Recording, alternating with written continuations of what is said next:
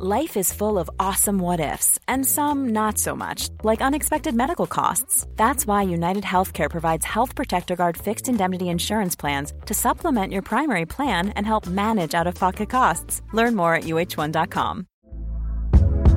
Hey there, it's Michelle Norris. I'm host of a podcast called Your Mama's Kitchen. When I travel, I'm usually looking for a way to find a taste of home when I'm not at home. And one of the things I love to do when I am at home is entertain. And Airbnb allows me to do that. When I was in California recently, I rented a house that had a great kitchen. And when we were sitting around the table, we're all thinking, we're in someone else's house. Someone could be in all of our homes as well. If you have a home, but you're not always at home, you have an Airbnb. Your home might be worth more than you think. Find out how much at airbnb.com/slash host. Wow. Nice. Yeah. What you're hearing are the sounds of people everywhere putting on Bombas socks, underwear, and t-shirts made from absurdly soft materials that feel like plush clouds. Yeah, that plush. And the best part? For every item you purchase, Bombas donates another to someone facing homelessness. Bombas. Big comfort for everyone. Go to bombas.com slash ACAST and use code ACAST for 20% off your first purchase. That's bombas.com slash ACAST. Code ACAST. Tuttosvenskan presenteras av Unibet, stolt huvudsponsor till Allsvenskan och Superettan.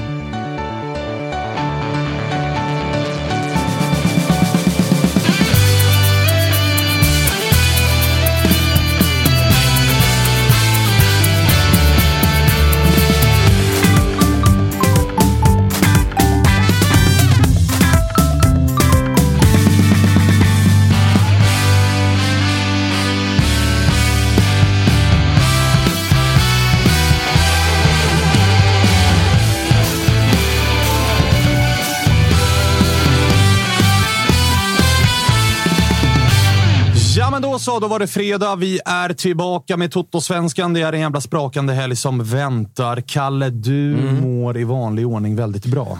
Nu mår jag mycket bra faktiskt idag. Det är fan sommar i Stockholm nu. Och du hade en stökig kväll igår. Jag såg dig på Twitter, var ute och hylla ett av de absolut bästa poddavsnitt du någonsin har klippt. Ja, men det, vi hade jävligt roligt igår eh, i eh, Hockey-Toto som vi håller på med. Då. Eh, det blev också lite så här Eurovision-Toto. Vi ringde upp Charlotte Perrelli. Händer inte i alla sportpoddar nödvändigtvis. Nej, det gör det inte. Vi kommer inte ringa Charlotte. Ja, synd, hon var trevlig faktiskt. Ja, men det, det får inte bli för mycket av det goda. Nej, det är sant. Framförallt så såg man att du tog ton. Din jävla pipa du sitter på. Helvete alltså. Ja, men den, eh, den har fan är man, det som den har händer? man slipat på ett tag. Det är så trist när, när Svanen ett par dagar tidigare skickar ut en video med en pipa, så kommer Kalle ett par dagar senare och bara liksom säger “sätt dig ner” Ja. med en ännu bättre Med all rätt. Med all rätt. Ja, det är det, det är det definitivt. Men du, du är på gott humör. Hur går Ja, glid, ja, eh, glidstart? Ja, den, den står lite på paus nu. Jag har eh, farsan, ja, men jag har farsan på besök här. Och eh, skulle jag liksom sätta mig och beställa in och- vi- glas vitt eller något, då gör jag mig arvslös. Liksom, så att jag får, man får välja sina stilar. Men det är väl det fina med glidstart, att den kommer och går lite grann. Exakt, glidpaus kör vi nu. Ja, det är fint. Eh, hörni, för första gången tror jag i Toto-svenskans fortfarande väldigt korta historia, även om det är många avsnitt, så är det ett avsnitt där vi, bortsett från dig då, Kalle, för du är ju alltid här, kommer ha en panel bestående av bara 08-supportrar. Freddy Arnesson, du är tillbaka efter en liten eh, visit nere på Palma. Mm, var nere och scoutade lite gubbar till Djurgården. Här. Var nere och kikade på Mallorca-Granada. Eh, riktigt bra match. Det var första gången sedan 69 Mallorca släppte in sex baljor i samma match.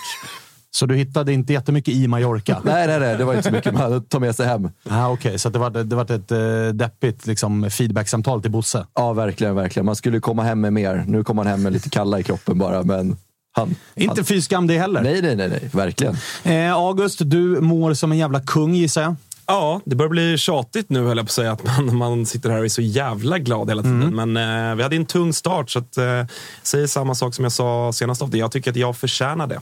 Ehm, Håller med om. Vi minns fortfarande 0001 deadline day. Då mådde du inte lika bra. Nej, nej men så att, Det var eh, mörkt. Nu, ja, det var mörkt. Men nu är det desto bättre att tillbringat förmiddagen ute på Karlberg och spanat in eh, träningen inför söndagens match. Gav inte skitmycket i och med att ingen av startspelarna från i onsdags var ute på, på banan. Så att det var bänkspelare och lite juniorer och sådär. Men det är alltid trevligt att vara på Karlberg.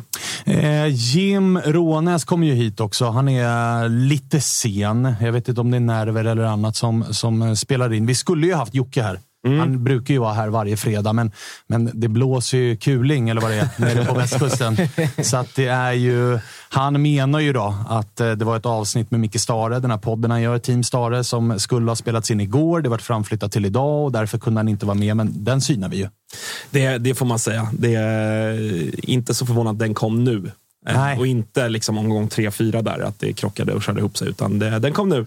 Så att, eh, men eh, han får sitta och pilla på Stare lite grann istället. De gick väl också ut precis nu ganska nyligen med att det är liksom problem med Sana i officiellt i, på Göteborgs hemsida gick de ut med det precis. Så det verkar blåsa ordentligt där nere nu. Och det ska bli jävligt intressant att se hur de löser den där situationen. Det kommer ju lite grann som en blessing då, att Sam Larsson typ samma vecka går och bryter sitt kontrakt så att IFK Göteborg-supportrarna har någonting att också greppa mot som är positivt här på, på framtiden. Men i övrigt så, så det är inte mycket som är ljust där nere just nu. Nej, men vad, alltså egentligen, varför ska Sam Larsson hem till IFK Göteborg? han Är, är, inte han, är inte han lite för ung för det men han fortfarande? ska verkligen dit. Det Jag känns som att han är fortfarande så här 26 år gammal, men han kanske har blivit 30 nu, vem vet? Ja, Jag håller på att tjata på Danne så det bara visslar om det. Bara, skicka hem brorsan nu, skicka hem brorsan. Så- Det känns som att han har en vända till i Holland i kroppen, Ja, känns det som. Han sa ju också i en intervju han gjorde här att, och det ska vi, vi, vi fick ju lite skit efter ett avsnitt där vi pratade om Sam och jag vet inte om det framgick, men vi alla var väl tydliga med att det lär bli IFK Göteborg. Men å andra sidan så lär också, det vi menade, eller i alla fall det jag menade, var att många andra klubbar lär nog vara där och försöka. Lite samma situation som det var med John Guidetti, att det där kom det ju fram nu i efterhand. Att jag tror att alla fattade att i, i slutändan så lär det bli AIK, men folk gör ju försök ändå att locka med pengar och med annat som gör att eh, inget liksom eh, med annat menar jag inte liksom, grejer som inte är lagliga, men liksom, bra avtal så att säga. Men det lär väl bli Göteborg ändå. Men Sam var ju tydlig med att jag tänker inte stänga någon dörr till utlandet om jag inte måste göra det. Nej. Nej, och det är ju intressant för att ja, vi konstaterade det att han är född 93, så han är väl 29. Eller fyller 29. Så det är ju, alltså så här, rent åldersmässigt har han ju, borde han ju ha liksom ett kontrakt till ute i Europa. Men det jag tycker det är lurigt med de där liksom, de som har varit i, i Kina eller arabvärlden eller vart det nu är, där det bara liksom, de har varit och hämtat in cashen.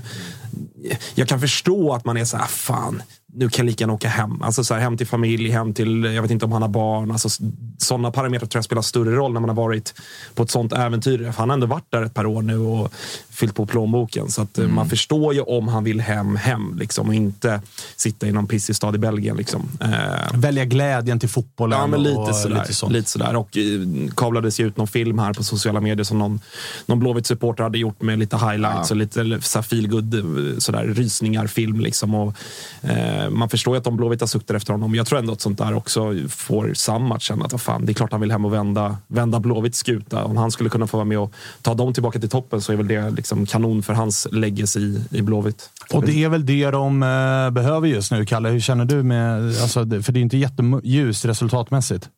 Nej, inte det. Och så tycker jag hela den här sanna liksom, historien, den, den drar ännu mer depp över IFK Göteborg just nu. Så att, eh, jag hoppas verkligen att Sam eh, kommer tillbaka, men är inte helt optimistisk på att det kommer ske.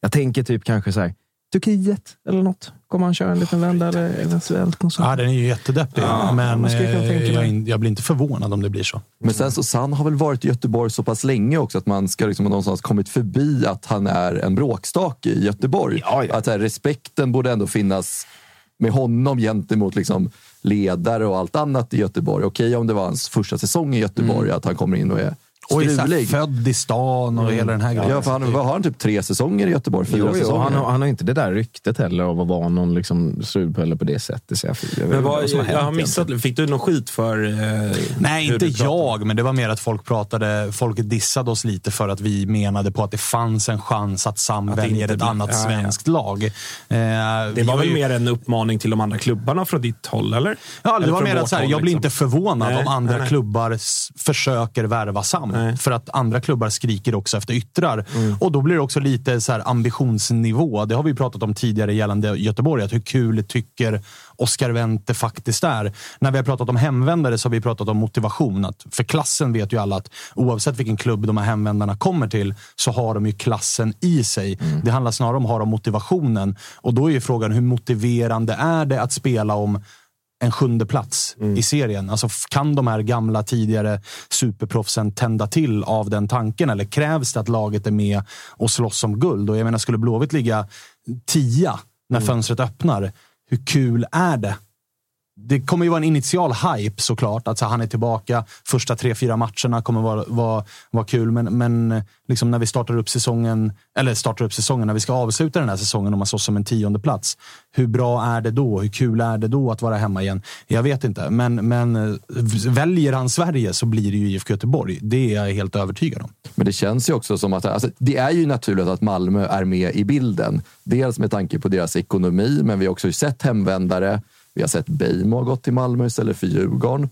Martin Olsson hade i och för sig ett mellanstopp i Häcken innan han valde med Malmö, men han har ju sin historia i Helsingborg. Så att det, ja, men även lite sugna på Guidetti, så det känns ju som att Malmö... Inte så lite. Nej, nej, men verkligen. Och det känns som att Malmö borde vara ett ganska hett alternativ för honom. Man är med upp och krigar i toppen. Det är väldigt fina förutsättningar där inne. Så att rent ambitionsmässigt för Sam Larsson, det är klart att det är en dröm att komma hem och bärga en titel med IFK Göteborg. Men Ja, och även, brors, även brorsan med lilla Malmösvängen. Så Ja. det, det, och liksom komma till ett Malmö som är där de är ett Champions League-kval. Det är förutsättningarna att spela fotboll är enormt bra där nere. Så att där tycker man ju också att är dörren verkligen stängd för övriga allsvenska klubbar för Sam Larsson? För jag tror Malmö säkert intresserade av honom. Det tror jag definitivt. Eh, på tal om Malmö då. De torskade i eh, onsdags här mot AIK. Vi ska börja i den änden innan vi börjar prata upp helgens eh, matcher. Vi ska såklart också ringa Josip. Vi ska också försöka få tag i Ponne. Eh, han var ju busy såklart i, i onsdags. Han är ju, sen vi började ringa honom så har ju Brentford börjat vinna. Han har börjat smälla in kassar. Det är veckans lag och det är hit och dit. Så att det, någon form av bra effekt har vi på honom. Men det blir lite senare, så att det blir nästan lite dubbla Malmö snack här. Men om vi börjar med, med AIK-änden då. Hur pass stor var glädje kontra lättnad när AIK eh, vann den här matchen?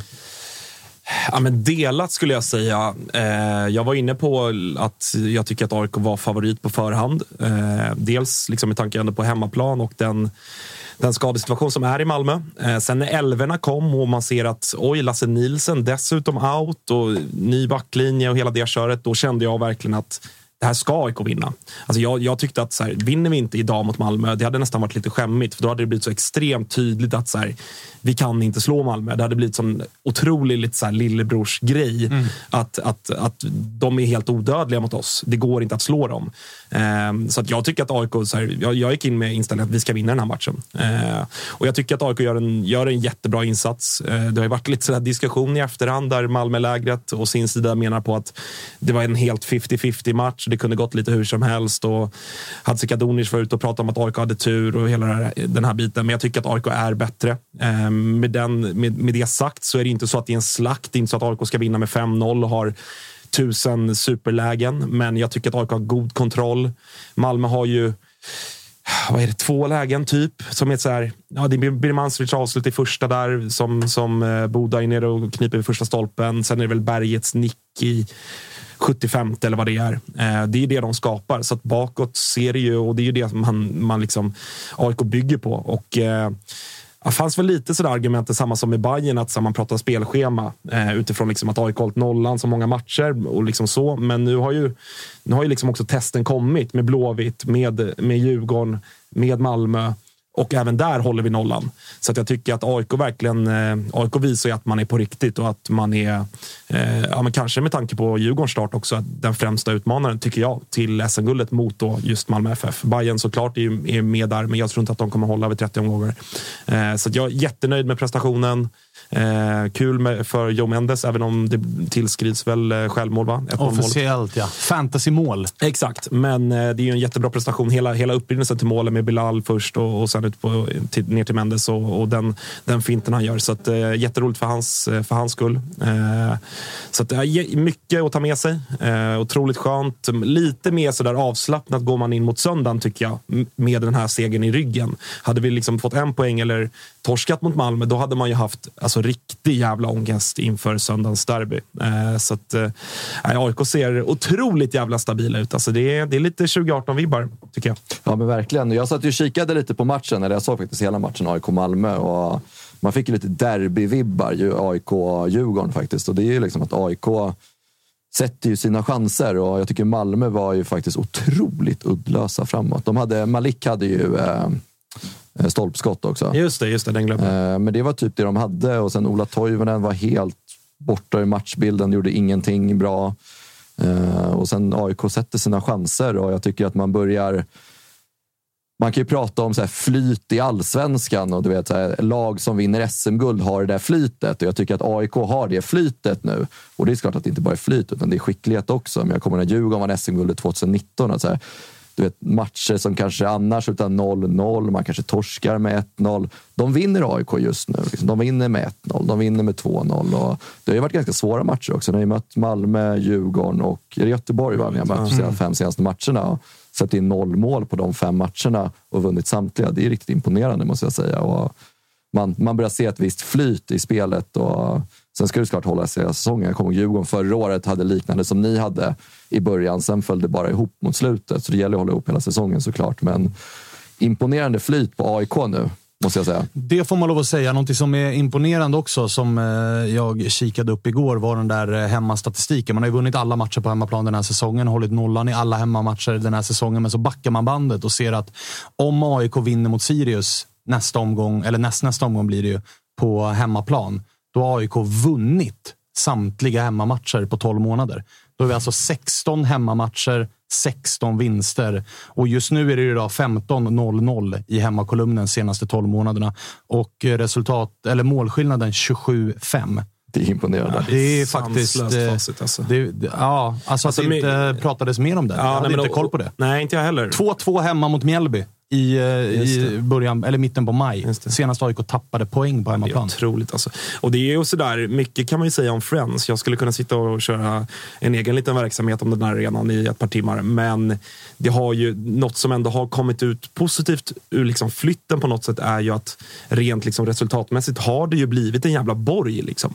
Det känns som att det på något sätt har satt sig framförallt kanske i liksom spelargrupperna oavsett vilken liksom årgång det är. Att, att på Friends så det är, inget, det är inget jävla lag som åker hit och tar tre pinnar av oss. Eh, och det tycker jag att man ser att det finns liksom en självsäkerhet. Det finns en trygghet i, i våra hemmamatcher och det har gjort det över tid som är eh, ja, jävligt imponerande. Eh, så eh, om man bara liksom kan höja bortaspelet lite grann så eh, ja, då, då kommer AIK vinna en jävla massa guld där framöver om man liksom inte presterar som i fjol på bortaplan.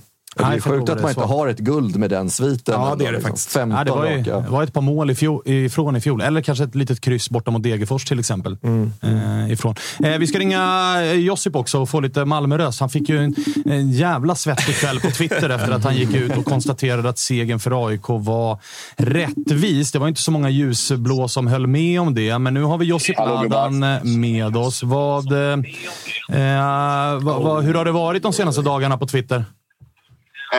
det var väl ganska stökigt. Eh, det var ganska stökigt på kvällen. Eh, just där, liksom efter slutsignal och så.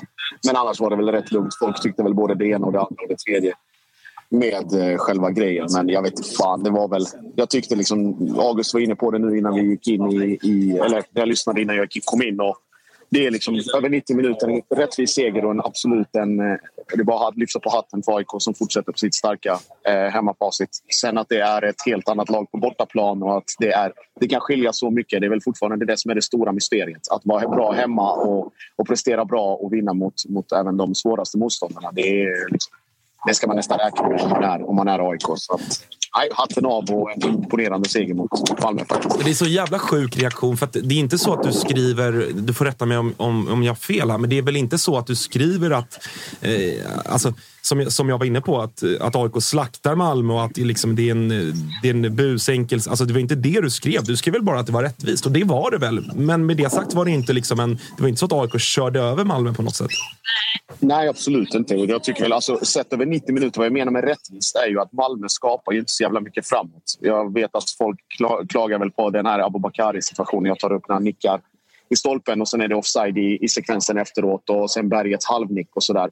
Men det hjälps ju också av att AIK fortsätter vara liksom väldigt starka offensivt och att Penja egentligen blir det enda hotet på mitten när han bryter av passningar och gör det livet jobbigt för Bilal Hussein och så vidare. Så att, men offensivt, Malik Abubakari på en kant Eh, Ola Toivonen i mitten som inte alls kommer till sin rätt. Och det, det märks att det, det, man lider fortfarande väldigt mycket av de här skadorna. Eh, och det mest oroväckande är väl den här prognosen på när de här beräknas vara tillbaka. Eh, AC har väl sagt att det ska vara cupfinalen och sen är det ju Kiese och Rex och nu var ju Berge tillbaka i och för sig, men Eh, det, och Dennis avstängd. Så det är väl hur man ska pussla det här, eh, det här tuffa som kommer framöver. För att det, det, liksom, det finns ingen ljusning på det, utan det är fortfarande bortamatcher i Stockholm och det blir jobbigt i, i alla avseenden. Men hur oroande är inte bara förlusten i sig då, utan att det faktiskt är de här skadorna som bara fortsätter? Nu har man ju liksom, det brukar ju vara så, en olycka kommer sällan ensam. Det är klart att Nielsen skulle dra på sig magsjuka eller vad fan han drog på sig i samband med det här också. Men eh, det har ju pratats om att Milos vill ha han har ju tränat på ett annat sätt lite grann än Jon Dahl Tomasson. Han vill ha mer maxlöp. Han har budgeterat med att det kan komma fler skador. Men börjar, inte bli, eh, börjar man inte skruva lite på sig med att så här, hej, alltså nu börjar det bli lite för mycket muskelskador och känningar. Ska vi kanske ändra på någonting? Eller litar man bara på att så här, det här kommer bli bra till slut? Nej, jag, jag, fattar, jag fattar synpunkten. jag fattar vad du menar. Eh, sen är ju truppstrukturen som den är också. Alltså, det, är en ganska, det är ju en trupp som har gått igenom ganska mycket omställningar med tre tränare på relativt kort tid. Med olika träningsbelastningar och mängder och intensitet och sådär. Eh, sen måste man också ha i beaktande att den här truppen, liksom, de nyckelspelarna eller de bärande spelarna blir inte yngre. Eh, och med åldern kommer ju också det här slitaget som kanske inte var lika vanligt för tre, fyra år sedan när de som sagt, alltså, när åldern säger sig själv men även kombinationen då av träningsmängd och intensitet och underlag och alla de här parametrarna man gör det. Sen att det är extremt olyckligt att alla de här kommer samtidigt, det kan man inte göra så jävla mycket åt på ett sätt kan man tycka. Men skadeteamet och fysteamet och klubben påstår ju att de har, eh, att de har full koll och, och utvärderar hela situationen kring just den här typen av skador hela tiden för att se om det var någonting man kunde göra bättre. Så man får väl lita på det. Men att, det, att det inte är optimalt, det är det absolut inte. Men vad säger supportrarna då? För jag kan ju, alltså, ena sidan av mig kan ju acceptera att Malmö efter den här förlusten kör den här ja, ja, vi hade många skador. Hade ni mött vårt bästa lag så, så hade det inte sett ut eh, likadant. Det är ju hypotetiskt och allt det där. Det har man ju inte jättemycket aning om. Men å andra sidan så är det ju... Alltså, det är ju en tränare som vet om när han kliver in i säsongen att tränar vi på det här sättet, vi har så här mycket maxlöp, vi kommer att få en del skador. Han vet om, det är ingen nyhet att det är många plastmattor i den här serien. Så att jag menar, det är inte... Det är klart att det är olyckligt att skadorna kommer, men om en tränare också går ut och menar på att så här, vi räknar med det, då, då kanske inte brasklappen blir lika liksom, relevant. Nej, jag, fatt, jag fattar det också på ett sätt. Eh, men samtidigt, alltså, alla de här grejerna, att de kommer just samtidigt. Det är ingenting som... Alltså, du kan förebygga alla skador och att de uppkommer till en viss gräns. Sen är det ju timing och otur och spelschema och alla de här sakerna också. Jag tror väl att man kanske... Eller liksom med mitt lekmannaperspektiv. Jag är väl helt övertygad om att Malmö trodde väl att det skulle gå lite smidigare i början. Att man inte skulle behöva slita så hårt på försäsongen på de här bärande spelarna även om Milos har en uttalad strategi att inte rotera så mycket. Det var väl förhoppningar om att någon annan skulle kliva fram vid något tillfälle, att man skulle kunna belasta lite annorlunda och sådär. Men allting kommer ju ner till hur läget ser ut just nu. Eh, och just nu ser det allt annat än, än optimalt ut. Och sen använda brasklappar eller inte, eller vad man nu vill kalla det. Faktum kvarstår att kanske tre av de viktigaste spelarna, om man då räknar in Johan Dahlin, fyra som ändå gick av här i halvtid, att Eh, eh, saknar man både Kiese AC och nu att Moisander eller Dennis eller Lasse, någon av de tre samtidigt, då blir det problem även för ett lag som har en så pass bred mm. och talangfull trupp som Malmö. Men eh, Josip, tjena förresten. Eh, Tja. Så, Milos, tror han har kommit in med något annat typ av träningsupplägg? Har det surrats någonting kring det? För det vet jag när Kim och Tolle kom in i Djurgården att det var en helt annan typ av belastning på spelarna och att man märkte att de gick sönder lite i början men att det var liksom ett, i syfte att göra dem starkare framåt. Har Milos någon annan mm. typ av träningsupplägg än vad Jon Dahl hade som kanske eventuellt har påverkat att blivit fler skador, tror du?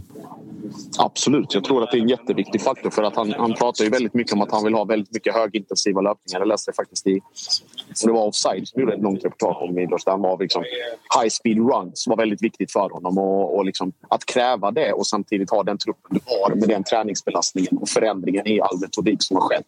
Det är också att kanske i det här läget av säsongen kräva lite mycket. Sen är det såklart den långsiktiga ambitionen är ju att det här ska funka liksom, när du har tre matcher i veckan och du ska spela liksom, på båda fronter i, i allsvenskan och Europa. Och det är först då liksom, som den här 23, 24, kanske 25 man stora truppen ska komma till sin, till sin fulla rätt. Och då återigen för att gå tillbaka, då, då är det, liksom, det är tre spelare här, fyra där, två där kanske som kan ersätta någon. Men att behöva ersätta nio man eller sju man eller vad det nu blir hela tiden, vecka till vecka, när spelschemat nu bara är, bara är en till, ibland två matcher i veckan. Jag tror att det, han borde nog gå tillbaka och titta lite och revidera, inte revidera men kanske justera sitt, eh, sitt upplägg något. Även om den långsiktiga målbilden är där så krävs det ändå resultat här och nu för att det går så pass bra för de andra också. Så man vill kanske inte hamna allt för långt efter. Eh, du, kommande tre matcher då, med det skadeläget ni har och med en eh, sprucken förlustnolla i allsvenskan. Djurgården borta, Häcken hemma och så Bayern borta i cupfinal. Hur är pulsen i Malmöled? Ja, börjar ju, man börjar väl blicka bort lite mot cupfinalen och det var väl, jag tror man släppte 500-600 biljetter extra häromdagen och sålde dem också så det blev 6 700 MFF till cupfinalen. Men med resultatet i åtanke här, eh, hur det såg ut och läget i truppen så är man nog väldigt, väldigt glad om man, om man liksom betar av Häcken för att det är på hemmaplan och sen då tar sig an Djurgården med en okej okay insats för att lägga fokus mot Bayern. Det skiljer sig lite olika från, från supporter till supporter. Jag tror att vissa kanske vill lägga mer tyngd i cupfinalen medan andra påstår att allsvenskan är viktigast, vilket i min mening den också är. Men det krävs också det krävs också en, liksom, en mental status på en hel grupp som liksom inte ska låta sig påverkas av alla de här externa sakerna. Utan jobba med det vi har och så får vi se hur långt det räcker. Och är det någonting vi kan göra därefter så får vi utvärdera det. Om det då blir så att man har sackar efter AIK med 3-4 poäng inför uppehållet. Det är inte hela världen. Jag tror det hade varit värre om det hade varit 8-9 poäng. Så, så, så mycket kan jag säga. Ja, vi gnuggar ju såklart 8-9 poäng då. Ja, det är klart ni gör. eh, du, eh, vi ska ringa Ponne lite senare också. Har du någonting vi kan ta med oss till honom? Eh, fråga, fråga honom om vår gemensamma vän fortsätter skickar tusen frågor om dagen om allt från skadestatus till nyförvärv och allmänna klagomål. Eh, han, han bombar mig ganska ofta, men jag tror att det blir nog ännu mer för, för Ponne. Så kolla statusen, hur det ligger till med vår gemensamma vän där. Vem, vem har vi ett namn eller? Eh, inget vi kan gå ut med i media. Ponne vet. Okej. Okay. okay. Freddy, ville du avsluta med något? Eller? Josip, det surras ju om, eller ni är ju på plats i Stockholm nu från AIK-matchen till Djurgårdsmatchen. Vad är egentligen tanken ja. med det? Liksom? Så, så, lång, så lång är inte flygningen hem till Malmö. Är det lite teambuilding-grejer eller att man vill öva lite på på, träna mycket på matcharenan inför matchen? Eller vad, vad är tanken med det upplägget egentligen? Jag tror väl det är av praktiska skäl också. Att man, så nu ska man ändå man ska möta Degerfors borta också har vi ju har vi inte nämnt i spelschemat. Så att man åker inte ner till Malmö emellan. Det är smidigare att åka från, från Stockholm till, till Degerfors än att man är och göra från liksom, ner till Malmö och sen upp igen. Eh, så det är väl bara av, det är väl av flera skäl. Det är logistik, det är planering, det är träningsmängd. Liksom att kunna strukturera det och planera det utifrån bästa förmåga med att slippa behöva tänka på att just det, nu ska vi boka in, nu ska det chartras flyg, flyga en timme, spelarna ska återsamlas igen och så vidare. Så det är väl nog mer av bekvämlighet och av eh, direkt behov just nu så som spelschemat är lagt. Sen vill ju alla såklart bo i Stockholm innerst inne, så det är väl fullt rimligt. så är det. Det är också starkt, starkt, starkt att påstå från någon som inte ens bor inne i Stockholm. Men okej, okay, det är lugnt. Storstockholm, gubben. Storstockholm. Expansivt begrepp. Ja, ja, ja. Eh, vi hörs då, Josip. Det gör vi. Ha det fint, boys. Ha det bra. Totosvenskan är sponsrad av Flowlife och vid det här laget så känner ni väl till att Flowlife tar fram massage och återhämtningsprodukter som är tillräckligt bra för världens absoluta idrottselit, men samtidigt enkla nog att använda för vardagsmotionärer världen över. Här på hemmaplan, där är man recovery partner till flertalet allsvenska klubbar, bland annat AIK, Elfsborg och BK Häcken. Och ute i Europa så har man bland annat Paris Saint-Germain och franska landslaget på kundlistan. Flowlife erbjuder alltså marknadens bästa massagepistoler. Flogan Go, Flogan Pro och Flogan Pocket har samtliga vunnit Bäst i test. Jag har precis klickat hem fotmassören Flowfit som jag är otroligt taggad på. Även den har ju då vunnit Bäst i test och hyllats stort av både fotbollsspelare och som jag, helt vanligt folk över hela Europa. Har vi ingen kod då, undrar ni? Jo då, koden TUTTO ger dig 20% rabatt på alla ordinarie priser och 10% rabatt på kampanjpriser. Man har dessutom 100 dagars nöjd kundgaranti som man kan testa hemma i lugn och ro. Så in och kika på flowlife.com, använd koden TUTTO i kassan när du lägger din beställning. Vi säger tack Flowlife för att ni är med och möjliggör Toto-svenskan. Satt han i Visby då? Det är en ny semester. Ny semester, Eh, det har, vi har inte kört igång så länge. Vi har varit igång typ en månad eller två.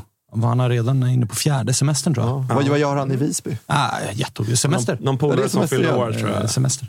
Mer Fan, vad bra han har göra på bladet. Jim Rånes, välkommen in. Du eh, kom tidigare än vad jag trodde. Hur mår du? Eh, jo, men jag mår kanonbra. Eh, kom loss lite tidigare, så det var kanon. Fan vad fint. Du, eh, derbynerver? Frågetecken. Nej, inte än va. Det är för tidigt. Är det. Ja, det tycker jag. Eller det kanske blir nu när vi snackar upp det lite. Men eh, nej, ja, nu känns det bra. Det är som eh, när man frågar spelarna, att det är så här, man har en av och på-knapp. Det gäller att inte slå på den för tidigt, Nej, för då kan det liksom bränslet exakt. är slut när det väl är avspark sen. Ja, och sen det är ju långt till söndag. Liksom. Det är fan två dygn typ. Men du, eh, hur mår eh, Bayern nu då? För det var ju ganska, det var ju, det var ju en eh, hyfsad start på säsongen. Ja, med visst. fem raka. Därefter då så har det ändå kommit in, inte världens största gruskorn, men ändå lite gruskorn i maskineriet med två raka matcher utan mål framåt och eh, torsk nu senast mot Kalmar i en match där det ju faktiskt inte var så jättemycket snack om saken. Eh, eller? Mm, nej, det, nej, det var alltså Bayern var inte nära att vinna. Så är det ju helt klart. Sen tyckte inte jag insatsen var inte så jävla dålig. De gjorde två mål på fem minuter typ och sen Var det över? Typ? Ja, men typ så. Det är ju dåligt i sig, men det var inte så här. Jag inte så att jag sitter och skäms över insatsen. Däremot så kanske jag känner mig att eh, det är lite tröttsamt att se det där hända. Ja, det händer ju ibland. Liksom. Kalmar bort. Vad, har det blivit något mer av den där Jeahze-grejen som var på, på slutsignal där det varit lite kurrigt på, på eh, läktarna? För han var ju avstängd. Jag, ja, jag har faktiskt ingen aning. Jag, jag, jag, bara, jag läste det på, jag vet inte vad det var, om det var på någon fotbollskanalen eller Twitter. eller något sånt där. Och det var väl att någon hade stormat fram till honom. Han satt ju på läktaren och förstod ovanför bänken. Och varför går man fram till en lirare som inte ens spelar? Det är ju helt hjärndött. Ja, vad ska han göra? Nej, men vilka ärthjärnor. Jag sa det i, i, i vår podd också. Så här, eh, det är också lite vilken loser man är om, om man har, man 5-1 efter sju gånger och fortfarande leder serien. Ska bara hota en lirare som inte ens spelar, då har man ju liksom inte fattat någonting. Nej, men då är man ju så ängslig. Alltså, då, vad är självförtroendet? Liksom? Det kan, det hota spelare kan man göra, eller det behöver man aldrig göra. Men alltså, det förstår man. Också. Nej, men alltså, det, förstår, Det finns fog. Ibland. Nej, men alltså det, det, kan, det, det, liksom, det kan hända i omgång 27 när, man, när folk har gett upp. Då förstår jag att folk jag tappar. Liksom, locket åker. Men, men jag menar, vad fan. Hota någon. Eller jag vet, nu vet inte jag hur mycket hot det var, men alltså, att någon ens är där är ju bara, det är ju bara skämmigt. Alltså man hade ju, man hade Historielöst om inte man annat. hade ju köpt... Ja, men helt. eh, Ja. alltså om, när, om någon Degerfors-supporter efter sex eh, raka torsk har ett och annat att säga till Degerfors-spelarna. Mm. Det kan man ju köpa. Men när Bayern leder serien, att gå fram då och börja jiddra, det känns eh, som Ja, du är inne på oerhört korkat. Och dessutom, eh, till och med i Degerfors-fallet, om det får vara ett hypotetiskt exempel, så är det så här. Det är ju fortfarande 23 omgångar kvar. Ska du köra ner liran i dojorna ännu mer, då, vad, vad händer de sista 23 omgångarna? Nej, det var ju så, ja. Jag, vet- jag vet faktiskt inte. Jag har inte hört någonting. Jag vet inte vilka det var. Jag vet inte om det har blivit någonting heller. Så jag hoppas på att det där, var, det där blåste bort bara. Så att, ja. Och det verkar det ha gjort, för jag har inte heller hört något mer, eh, något mer surr om det. Men, men annars så eh, är ju, verkar ju läget i alla fall i truppen eh, inför söndag vara jävligt bra. Steve eh, är ju tillbaka Ja, i, full fint. träning. Sitter nu och myser lite åt. Och Ja, sen så är ju eh, är ju, är ju tillbaka från avstängning också. Och det såg vi ju senast, hur viktig han är. För att Ja. Paulsen som, som wingback var ju ingen succé. Nej, alltså det är inte, jag vet inte hur mycket man ska skylla på honom. Eh, mer än att man kanske bara kan konstatera att Jas är jävligt duktig och mycket av Bayerns spel går via den kanten. Eh, och, alltså, visst, han, var han gjorde en riktigt dålig insats, men det är också så här, en spelare ska inte det ska inte, alltså den vänsterbackspositionen ska inte stjälpa en hel match. Liksom.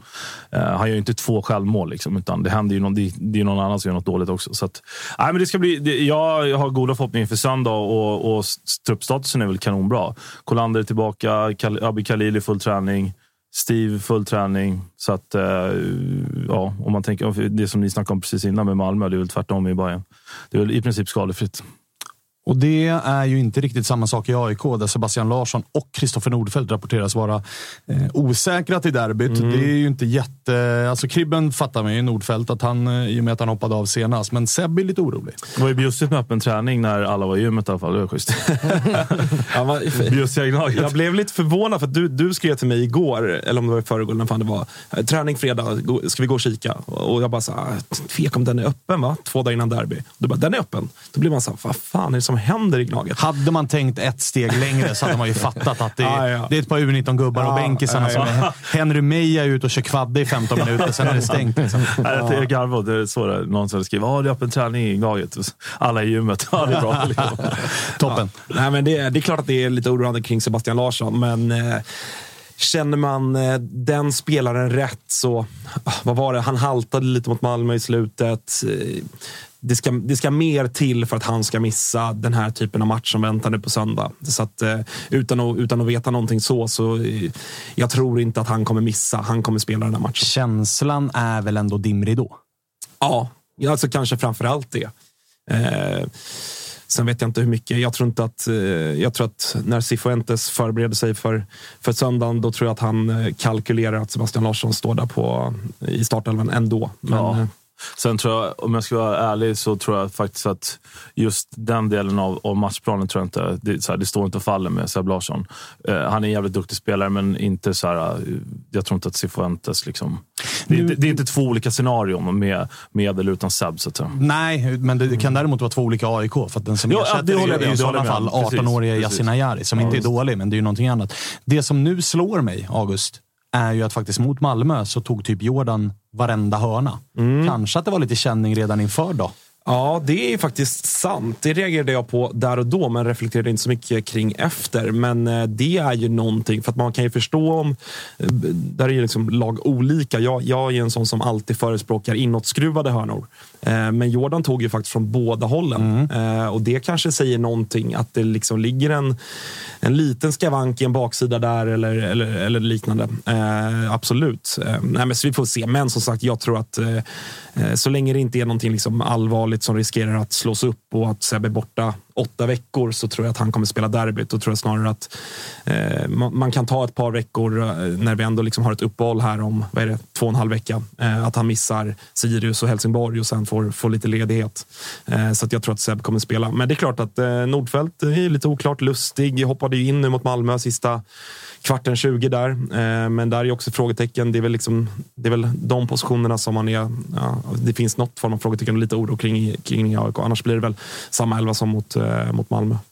Eh, vi eh, switchar lite snabbt. Då. Vi, vi ska kasta oss tillbaka till derbyt Ja, det är eh, såklart. Vi- Det blir lite avslutande där. Men, men eh, Freddy, Djurgården, ni ställs ju mot Malmö nu. Mm, på Eh, måndag. Hur, ja, hur är känslan inför den? För att Djurgårdens form är ju också ja, men lite trevande, lite svårläst och det är mycket som skrivs om Djurgården just nu som senaste veckorna har handlat om lite annat än prestationer också. Så att hur, hur mår, jag ställde samma fråga till, till Jim, men hur mår Djurgården just nu? Alltså så här, angående matchen på måndag så tror jag, jag har, jag har verkligen så här en proppen ur-känsla på Djurgården på måndag. Att det blir så här 3-0 till Djurgården mot Malmö. Eh, jag känner att någon gång måste det vända. För den här säsongen har varit väldigt märklig för Djurgården tycker jag. Så här, man, man kan inte riktigt vara så här superkritisk till den och man kan inte vara jättenöjd. Man ligger någonstans där mitt emellan och skvalpar för att vi har inte spelat dåligt. Eh, så här, vi, de matcherna vi har förlorat är matcher vi mycket väl hade kunnat vinna. Vi pratade lite om AIKs flyt. Där tycker jag att Djurgården kanske haft flytet emot sig i många matcher. Vi har Helsingborg, 29 avslut på mål eller vad det var. Helt skämt att det var 2-2. Elfsborg borta nu. Vi spelar jävligt bra i 75 minuter. Gör en superfin match. Jag börjar säga Mange och Schüller börjar komma tillbaka i gammal god form. Samma sak i derbyt mot AIK. Hade mycket väl kunnat bli kryss. Djurgården hade kunnat vinna med 1-0. Så jag tycker att så här, känslan är fortfarande att så här, fan, potentialen finns där. Den är där. Så för mig handlar det bara om att så här, det ska vända någon gång. Och mot Malmö så har jag verkligen känslan av att det blir proppen ur. Malmö har nedåtgående form, mycket skador. Djurgården kommer hamna i en match där det kommer vara proppen ur mot ett topplag i allsvenskan. Och jag tror att på måndag ligger nära till hands. Eh, Bra läge också ju med tanke på att Mm. Malmö har eh, ganska mycket kortare vila. Hade en tuff match eh, nu senast och så skadeläget de har. Så det är ju bra läge för Djurgården att faktiskt trycka ner Malmö. Och vi minns ju cupmatchen hur den såg ut spelmässigt. Mm. Då fick man inte hål.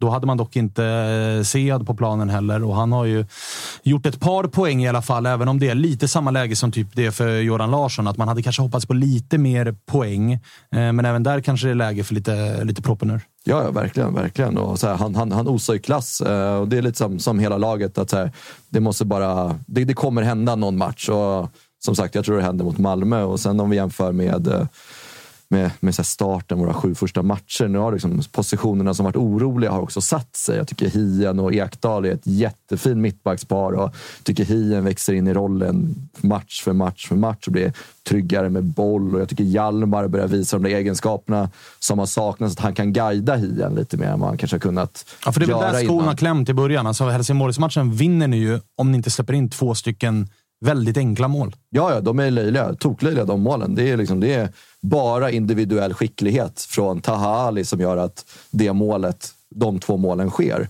Det är inte ett jättefint lagspel eller sammanhållning i Helsingborgs lag, utan det är Taha Alis eh, fenomenala dribblingar och avslut som gör att det blir två mål för Helsingborg och slarv i, i eh, våra... Så här, ja, men Findell tappar boll och ja, vi har ältat det där. Liksom, men så här, jag, jag tror att nu har liksom Schüller och Eriksson har börjat visa framfötterna förra årets säsong och Hien och Ekdal har börjat sätta sig jäkligt fint nu. Men tror du, precis, den, för det har ju ändå varit en liksom, liten följetong, mittbacksituationen där. Tror du att Hien har cementerat sin plats bredvid Hjalmar nu? Att det är de två som ska spela? Eller tror du att det ändå kommer bero lite på form och så? Att Lövgren ändå kommer ha sina chanser om Hien står för två svagare prestationer? Eller tror du att Hien har köpt sig det tålamodet hos Kim och Tolle? Jag hoppas att han har gjort det. Jag hoppas att han har köpt sig det tålamodet. För att jag tror att vi behöver också den kontinuiteten i vår startuppställning. Att vi kanske kan ha samma elva två eller tre matcher i rad. Och skulle det bli någon match där vi kanske ja, men vinner med 3-2 och Hien kanske gör bort sig i något tillfälle där de gör ett mål.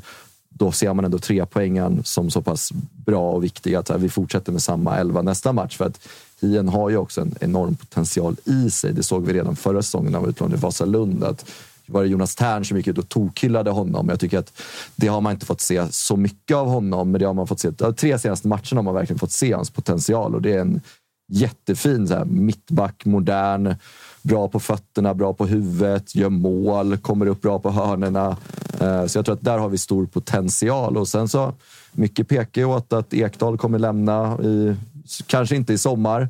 Han spelar ju, jag tror han spelar medvetet dåligt just nu för att få hem brorsan, få ett halvår tillsammans med honom och sen lämna i vinter. Så Det är klart att det är en karriärsplan. ja, ja, verkligen. verkligen. Ska vara usel våren 2022. Exakt, för då kommer Albin här. Ja. Nej, men skämt åsido, så jag tror att Ekdal kommer inte lämna i sommar. Så jag tror vi kommer ha ett cementerat mittbackspar i Hien och, uh, och uh, Ekdal. Och sen så bara flyta över på Marcus Danielsson. Hoppade av landslaget igår och där fick man lite indikationer på att han verkar kanske vara kvar i Kina ett tag till. Som att han valde att hoppa av landslaget just för att det tar så mycket tid. Han åka från Kina till Sverige, sitta i karantän. Så att det är kanske ingen Ja, visst, värvning. visst är det en signal om det? För jag menar, Sam är ju i samma klubb och har brutit. Mm. Eh, Medan Danielsson har inte brutit, men däremot kastat in landslagshandduken. Skulle han ha en plan om att gå till Djurgården i sommar, då finns det ju inte riktigt samma anledning att tacka nej till landslaget. Vilket i och för sig, så här, var, Erik Berg eh, gjorde ju samma grej Mm. för att han var trött på eh, liksom, fotboll rent generellt. Liksom. Eh, ingen diss mot Djurgården, utan det gjorde han ju redan innan han kom till Djurgården om jag inte minns helt fel. Så att, eh, jag blir inte riktigt klok på den där inkastade landslagshandduken och vad den skickar för signaler mot en eventuell framtid i Djurgården. Men du är inne på att det nog inte blir i sommar. Nej, men jag, jag var helt stensäker på att han kommer komma i sommar. Men hade han kommit i sommar, då hade han inte kastat in landslagshandduken. Det känns liksom hål i huvudet på något sätt. Att, för motiveringen är att han orkar inte satsning mot EM 2024. Exakt. Eh, för att det tär så mycket på honom att åka från Kina till Sverige för landslagssamlingar och karantänregler och alltihopa. Och jag tänker, kommer han till Djurgården om en månad eller om ett halvår, ja, då hade han ju kunnat fortsätta sin landslagssatsning för att han, älskar att spela i landslaget och det förtroendet han också får av Janne. Eh, det är inte så att han har varit ute och in i startelvan. När han har varit tillgänglig så har han fått spela. Eh, så att jag, jag, jag, tycker att det skickar ganska tydliga signaler att han inte riktigt är redo att komma hem till Djurgården än, vilket jag var helt hundra på att han var. Hur eh, surt känns det då? Det är såklart jättesurt, men tjänar man 20 miljoner netto om året så hade jag också eventuellt kastat in min landslagshandduk eh, för att eh, pl- plocka, hem, plocka hem de sista kulorna. Så, så är det ju. Det, det, det är cyniskt att säga något annat.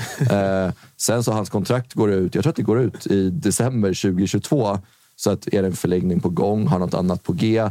Men jag tycker det fick ganska tydliga signaler att han inte kommer spela i Djurgården i sommar. Men du, eh, den här matchen mot Malmö då? Vi har ju pratat, nu har ju Bayern mött eh, Malmö, AIK har mött eh, Malmö i Allsvenskan. Vi har ju pratat om samma grej egentligen inför de här matcherna. Alla vi tre har också mött dem på hemmaplan. Alla vi tre kommer också möta ett Malmö som har varit ganska kraftigt decimerat på grund av skador. Vi pratade om det inför Bayern att så här, ska man vinna guld i år så kanske det är läge att vinna den här matchen. Vi pratade om det inför AIK. Det har varit lite så här eh, måste-match inom eh, citattecken på Malmö hemma när man får möta dem eh, just nu. Hur känner du inför det? Alltså, hur viktigt är det att vinna den här matchen? För tittar man på tabellen, nu har ju Djurgården dessutom en match mer spelad. Tillsammans kommer jag ha det med Malmö och AIK. Men jag menar, måla upp ett scenario där ni torskar Samtidigt som lagen bakom, alltså Kalmar möter Häcken borta, Elfsborg har en relativt enkel match, Blåvitt och Norrköping lika så. Vill det sig riktigt jävla illa så är liksom eh, Djurgården nia med en match mer spelad. Så att, du förstår vad jag menar. Det här är en match där det står och väger lite grann. Å andra sidan, vinner man, ja, men då är man ju tillbaka och med igen. Ja, absolut. Eh, jag, jag också, som jag har pratat med mina polare också om den här matchen, att den, den, på något sätt känns den ju definierande för hela säsongen vart Djurgården liksom ska sätta sin ambitionsnivå. Vinner vi mot Malmö, absolut, då är vi med. Så här, styrkebesked att vinna mot Malmö som ska vara laget som ska vinna SM-guld varje år. Vinner vi mot dem, då är vi absolut med där uppe. Torskar vi, då känns det lite som att det blir lite luften ur. Å andra sidan, många har surrat om den här tabellen jämfört med 2009 års tabell när vi vann guld. Vi ligger på exakt samma poäng som vi gjorde då, som vi gör nu. Så att helt kört är det ju inte såklart, så här, vi kan vinna alla matcher. Men så här, rent känslomässigt, så torsk mot Malmö så kommer luften gå ur väldigt många skulle jag gissa. Eh, och framförallt också med två kryss mot Helsingborg och Elfsborg i ryggen. Då har vi, ja, vad blir det, typ fem poäng på sex matcher. Eh, med det facit så vinner man inget guld. Men jag, så här, jag tror många delar min känsla också av att det kommer bli en proppen ur-effekt. Det, det tror jag också. Fan, ni har ju kört över Malmö. Ett, full, liksom ett fulltaligt Malmö år efter år. Det är klart att det är det sämsta Malmö ni kommer med. Eller det är liksom, kanske inte sämsta så, men det liksom kraftigast stukade Malmö ni kommer möta på flera, flera år. Så att, fan, jag tror också att ni kommer köra över dem där. Ja, det Själv jobbar man in krysset. är det så? krysset jobbar man in så jävla hårt. Där jobbar man in på söndag. Ju, på. Knaset är om man inte vinner hemma. Eller, det är att du måste, då måste du vinna borta i Malmö istället. Exakt. Ja. Det, för det kände jag lite med, med Bayern sådär. Jag tyckte Bayern blev en jävligt bra match mot Malmö. Uh, och sådär, det, liksom, hem, men Bayern har slagit Malmö hemma förut. Det är väl liksom ganska bra facit senaste åren. Problemet är ju bara att Bayern inte vinner i Malmö. Mm. Uh, AIK vinner inte i Malmö.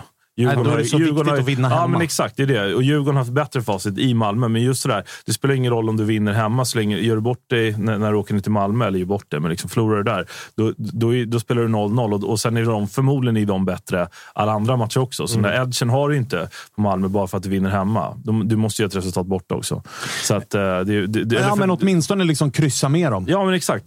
Så, vinna hemma, kryssa borta. Det räcker ju. Men, åtminstone för edgen på Malmö. Men, men ja, Bayern har ju aldrig lyckats med det. Så att, och AIK har inte heller lyckats med det, alltså borta, borta mötet. Så att, ja, det är märkligt hur lätt vi har haft för Malmö genom åren. Jag förstår inte riktigt vad det är. Och det är så här, psykologin vi pratar om i derbyn också. Att den har ju Djurgården mot Malmö. Det är liksom Malmö, är vårt, eller, Malmö har Djurgården som boogie-team och vi har derbyna som boogie-team. Så vi har, vi har motsatt. Ja, ja, exakt. Men sen, men, men sen, så minns man ju, liksom, man minns ju Bayern förra året, Svenska Kuppen ruggigt decimerat Hammarby. Mm. Vi ska bara gå in och vinna den matchen. Äger den totalt, den matchbilden. Torskar med 1-0. Vad kan hända med Malmö på måndag också? Det kan bli lite sådär när vi möter de här topplagen och de är lite skadeskjutna. Det är inte garanterat att vi vinner bara för det. Mm. Nej, men, och det tyckte jag med Bayerns match mot Malmö också. att eh, jag, vet inte, jag sa det också i vår podd, inte kanske att det var så här, det är ingen sure. fördel att, att, att, möta decimerat Malmö, men, eh, eller nackdel menar jag, men, men det kan ju också vara så att de har en, kommer till en match en annan typ av spelare. Eh, bättre försvarsmässiga spelare än kanske om ja, inte jag, AC-spelare, Då, då vill de ha mer boll. De är inte lika sugna på att försvara. Då kanske öppnas upp mer ytor. Alltså, det finns ju två sidor av myntet. Liksom. Det, de är nog rätt nöjda med att, att, att hålla ställningar på måndag mot Djurgården. Pontus Jansson är eh, med oss precis efter att du har fått lite fotomassage. Nu mår de bra, va? De var bra, de var bra. Mycket bra. Härligt. Eh, Du, märker, märker du av också eh, Toto-svenskan-effekten? Eller? Sen vi började ringa dig så det bara smattras in mål och det är veckans lag och det är säkrat kontrakt och det, det är allt möjligt. Ja, det går bra för mig, men det går bra för er också. Jag ser fan Tuttosvenskan överallt var jag än tittar. Så att det går bra för båda. Ja, exakt. Det är win-win som vi brukar kalla det. Ja, exakt. Eh, vi pratade lite med Josip tidigare om eh, onsdagsmatchen, men också lite grann om framtiden här med tanke på, på eh, skadeläget i eh, Malmö FF. Men vi kan väl börja med onsdagens match. Va, va, vad säger du om den? Ja, nej. får väl säga att AIK vann rättvist. Det är första gången jag säger det i mitt liv i en match mot Malmö. Men eh, nej, men alltså med de avbräck som det var och den elvan Malmö ställde upp med. Det, det är såklart ingen ursäkt. Men eh, det är klart att det blir tufft. Men jag tycker ändå Malmö står ändå rätt, upp rätt bra i första halvlek. Eh, men i slutändan så tycker jag att AIK vinner rättvist. Det gör de. Vi eh, var inne på det. Vi har läst, eh, ett par av oss i alla fall, en intervju med Milos i Offside där han är inne på att Malmö den här säsongen tränar på ett lite annorlunda sätt, vill spela på ett lite annorlunda sätt med väldigt mycket maxlöp. Och att Milos var inne på att han vet om att det kommer att komma en del skador på det här.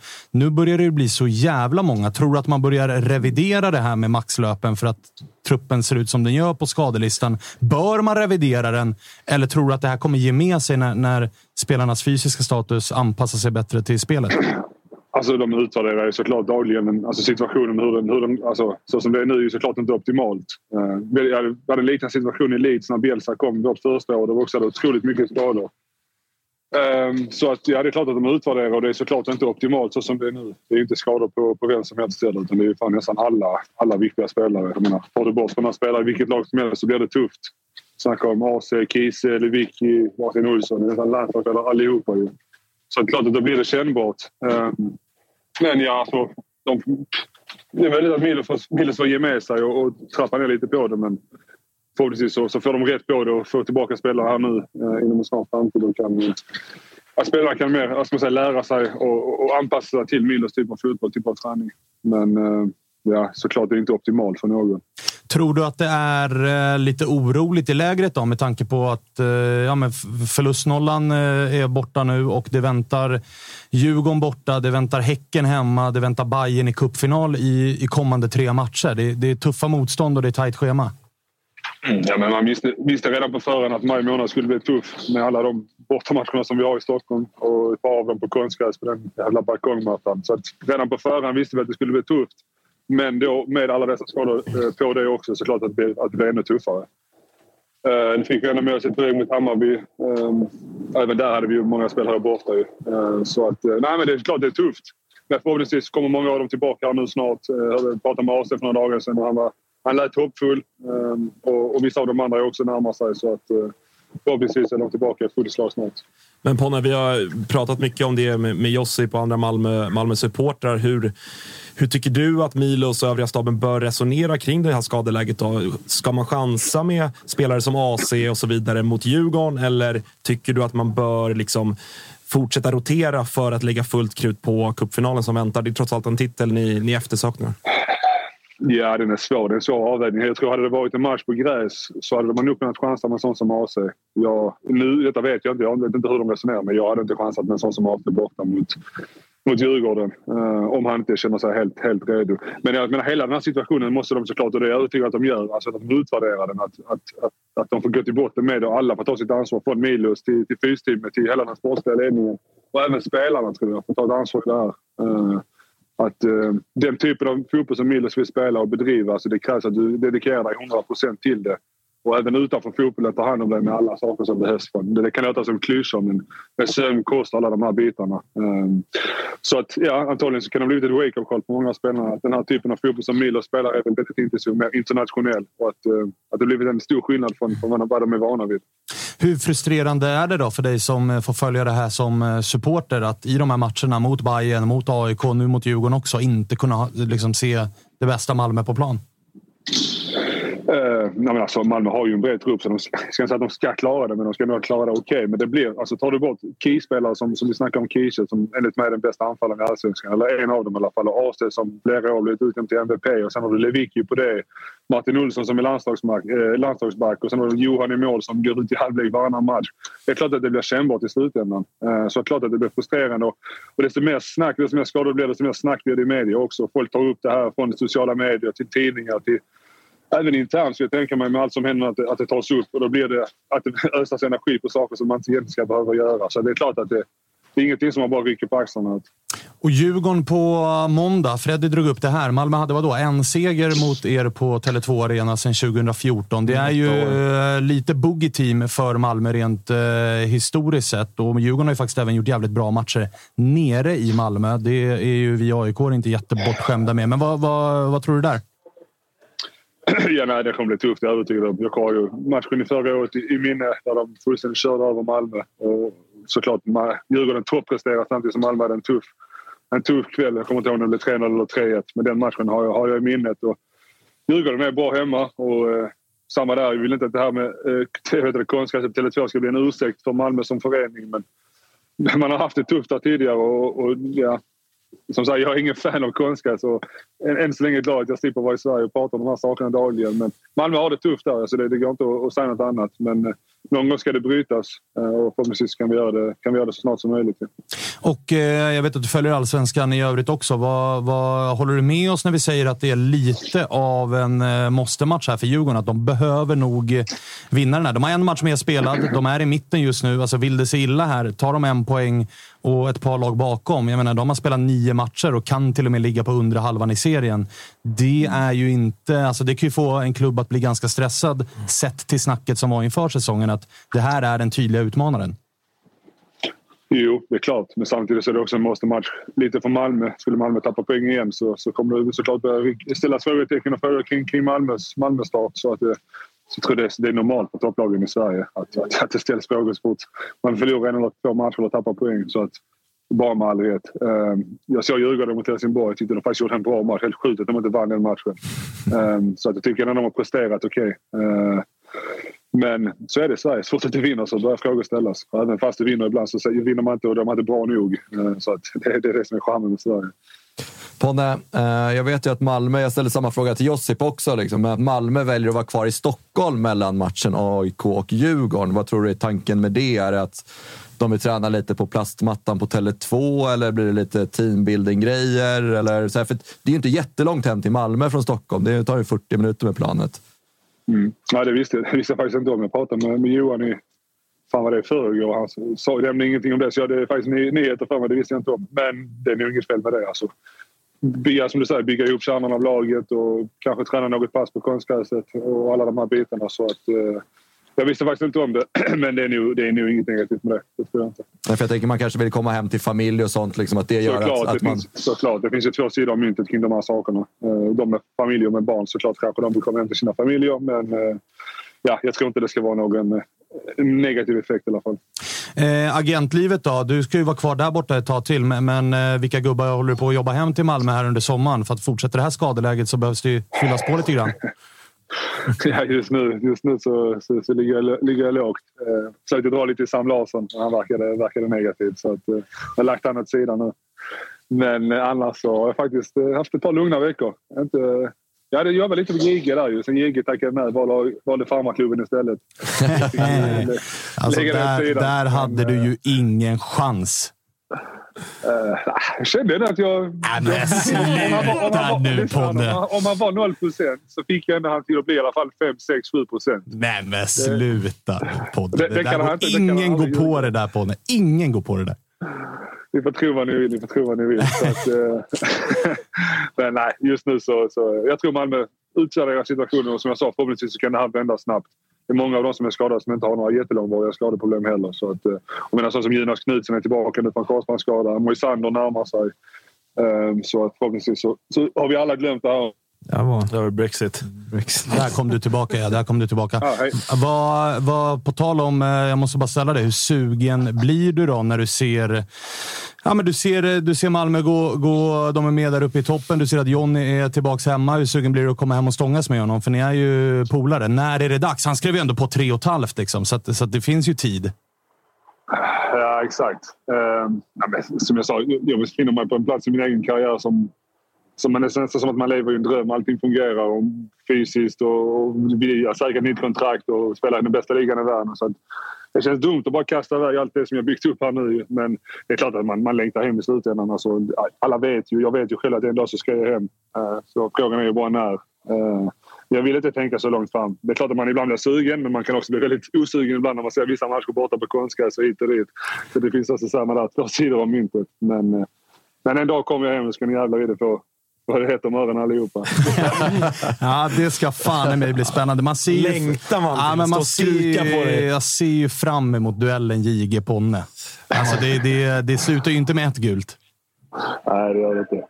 Och trash talk-duellen. Det är nästan så att vi, det var ju någon omgång här i derbyt va, när de myggade upp domarna. Ja. Alltså när det är AIK-Malmö, när Ponne är tillbaka, då vill vi ha mygga på John och Ponne.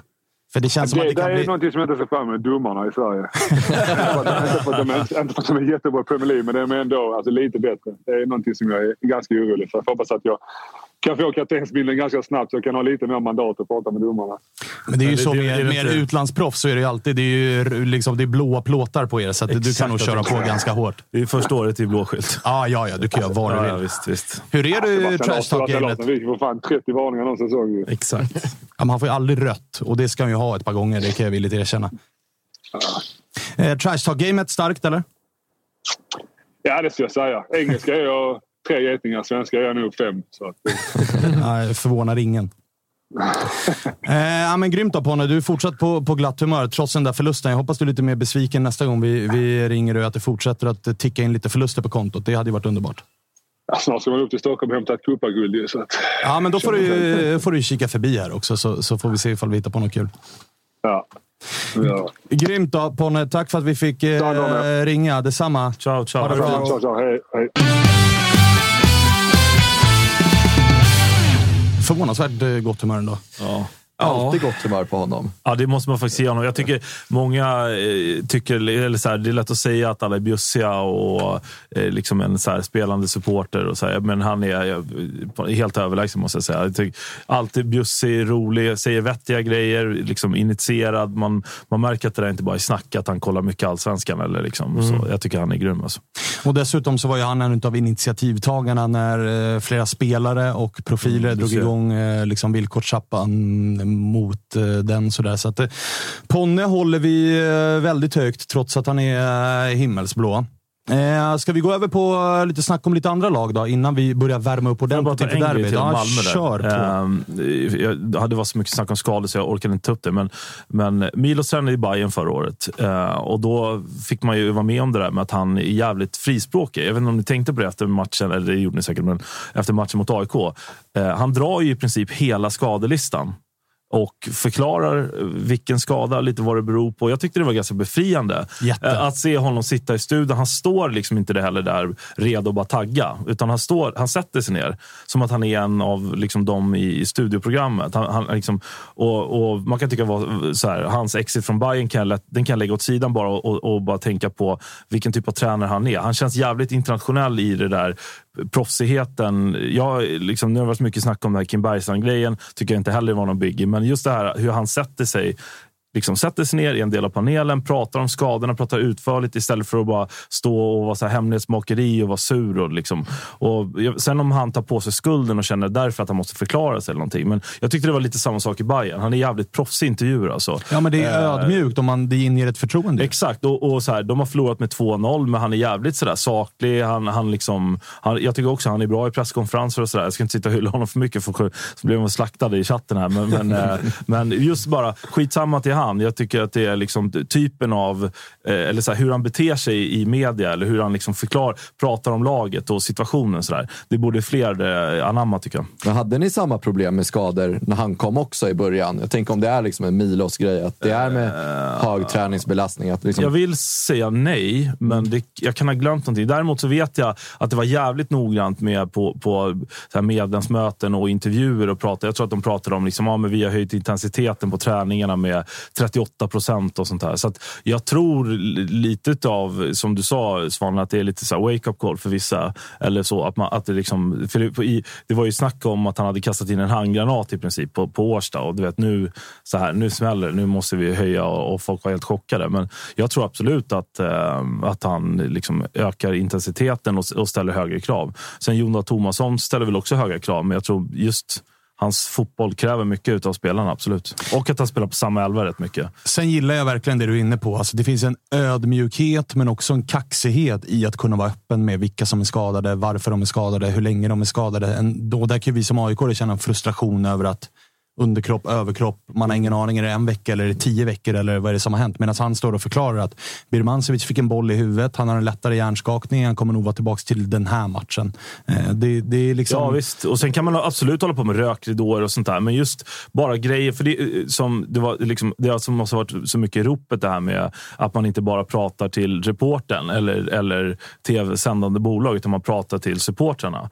Och eh, alltså, att man då bara efter en match förklarar lite läge läget. Mm. Det kan ju ta ner den där känslan Men också. Exakt. När det är så, så många spelare också så mm. tror jag att det blir extra viktigt att ändå sådär visa någon form av transparens mot supportrarna att det här är statusen generellt. Liksom. Ja, och då kanske den där förlusten på Frent, då, sitter, då, då kanske man då drar sig för inte jag, 35 procent från att skriva att de är jävla luffare eller någonting. På in, ja, men du vet, man tar ner ja, lite ja, stämningen så här, ja, och man, man är för, för, att man är lite mer transparent. Sen var de ju inte så transparenta inför AIK-mötet. Skickade inte ens ut en trupp. Ingen aning om vilka som hade rest i Stockholm. men det där precis. är ju en del av spelet, ja, liksom, att man håller på och mörka lite grann. Men det där med att gå ut, alltså, det är någonting med att vara eh, alltså, stor efter förlusten. Jag kan tycka skitsamma vad man gör innan, bara så länge man är en vettig människa när man har förlorat. Det är, det, det är någonstans där man, man visar sina rätta sidor. Ja, håller jag med om. Håller med om apropå den där skadegrejen. Ja, sorry. Men eh, det måste varit frustrerande som aik ni, ni såklart, ni får ju reda på vissa grejer innan, innan det kommer ut i media. Får vi det?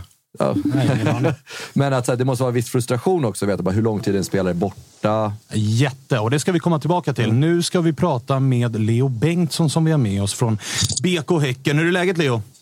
Det är bara bra. Hur är det själva? Det är eh, toppen. Vi har pratat lite grann om AIK, vi har pratat Malmö, vi har pratat Djurgården och vi ska prata lite grann om eh, Häcken nu. För ni har ju faktiskt eh, smugit med här nu lite grann i, i skymundan. Eh, två raka vinster, fyra raka utan torsk. Hur är livet i Häcken? Eh, nej men det är bra.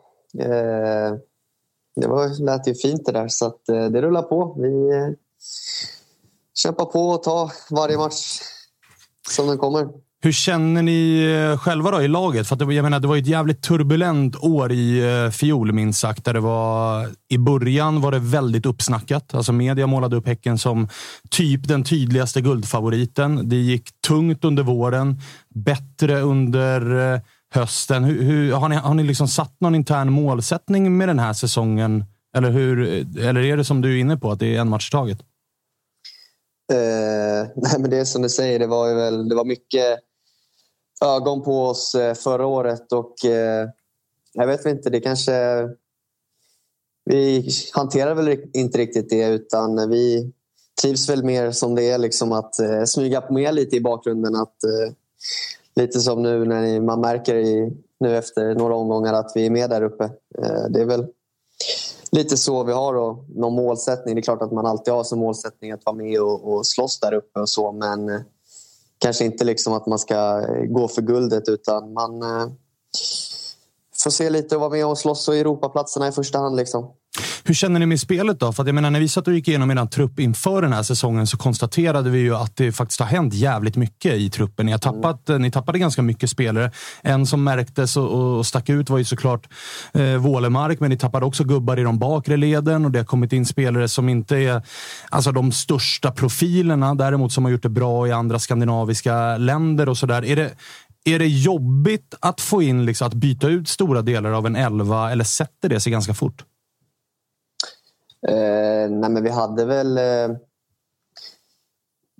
ja, försäsongen, vi fick ju... Man får ju jobba jäkligt mycket med, med att få ihop det snabbt. Eh, vi eh, strugglade väl lite där på försäsongen med att liksom hitta och vi verkligen ville försöka få till det defensiva spelet liksom och sätta det för att vi, eh, i alla fall under försäsongen, släppte in väldigt mycket mål. Eh, så att det var väl liksom en en del som tog väldigt lång tid och det var väl inte så konstigt heller för det, var, det är väl liksom typ en hel backlinje som, som är ny. och eh,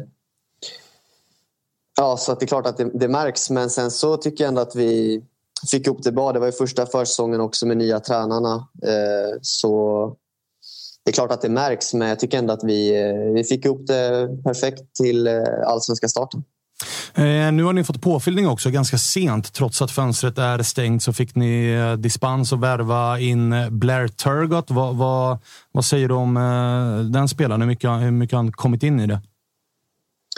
han har kommit in bra. Han, han var ju och eh, tränade med oss. Han har varit och tränat ett ganska, ganska bra tag medan den här processen hållit på. Eh, så att han har kommit in bra i gänget och det är en bra spelare. Eh, men han har gjort spelat i allsvenskan och man har sett vad han har presterat liksom i allsvenskan så att eh, alla vet ju om att det är en bra spelare och eh, så att det tror jag bara kan bli väldigt bra. Eh, för egen del då, jag tänkte lite grann på det där in, alltså, vi ska inte älta förra årets vår där det gick tungt för er, men jag tänkte lite grann på frågan om eh, ja, men det här med press, med rubriker och det här. Ni är ju en liten klubb med mm. inte det största mediala intresset. Tycker du att det är skönt att få jobba lite grann i skymundan? Eller saknar man att ha... Liksom, för det, det, ju, det finns ju två sidor av myntet att vara en storklubb också. Att när det mm. går bra, då är det ju ruskigt kul och det är över 20 000 på matcherna och sådär.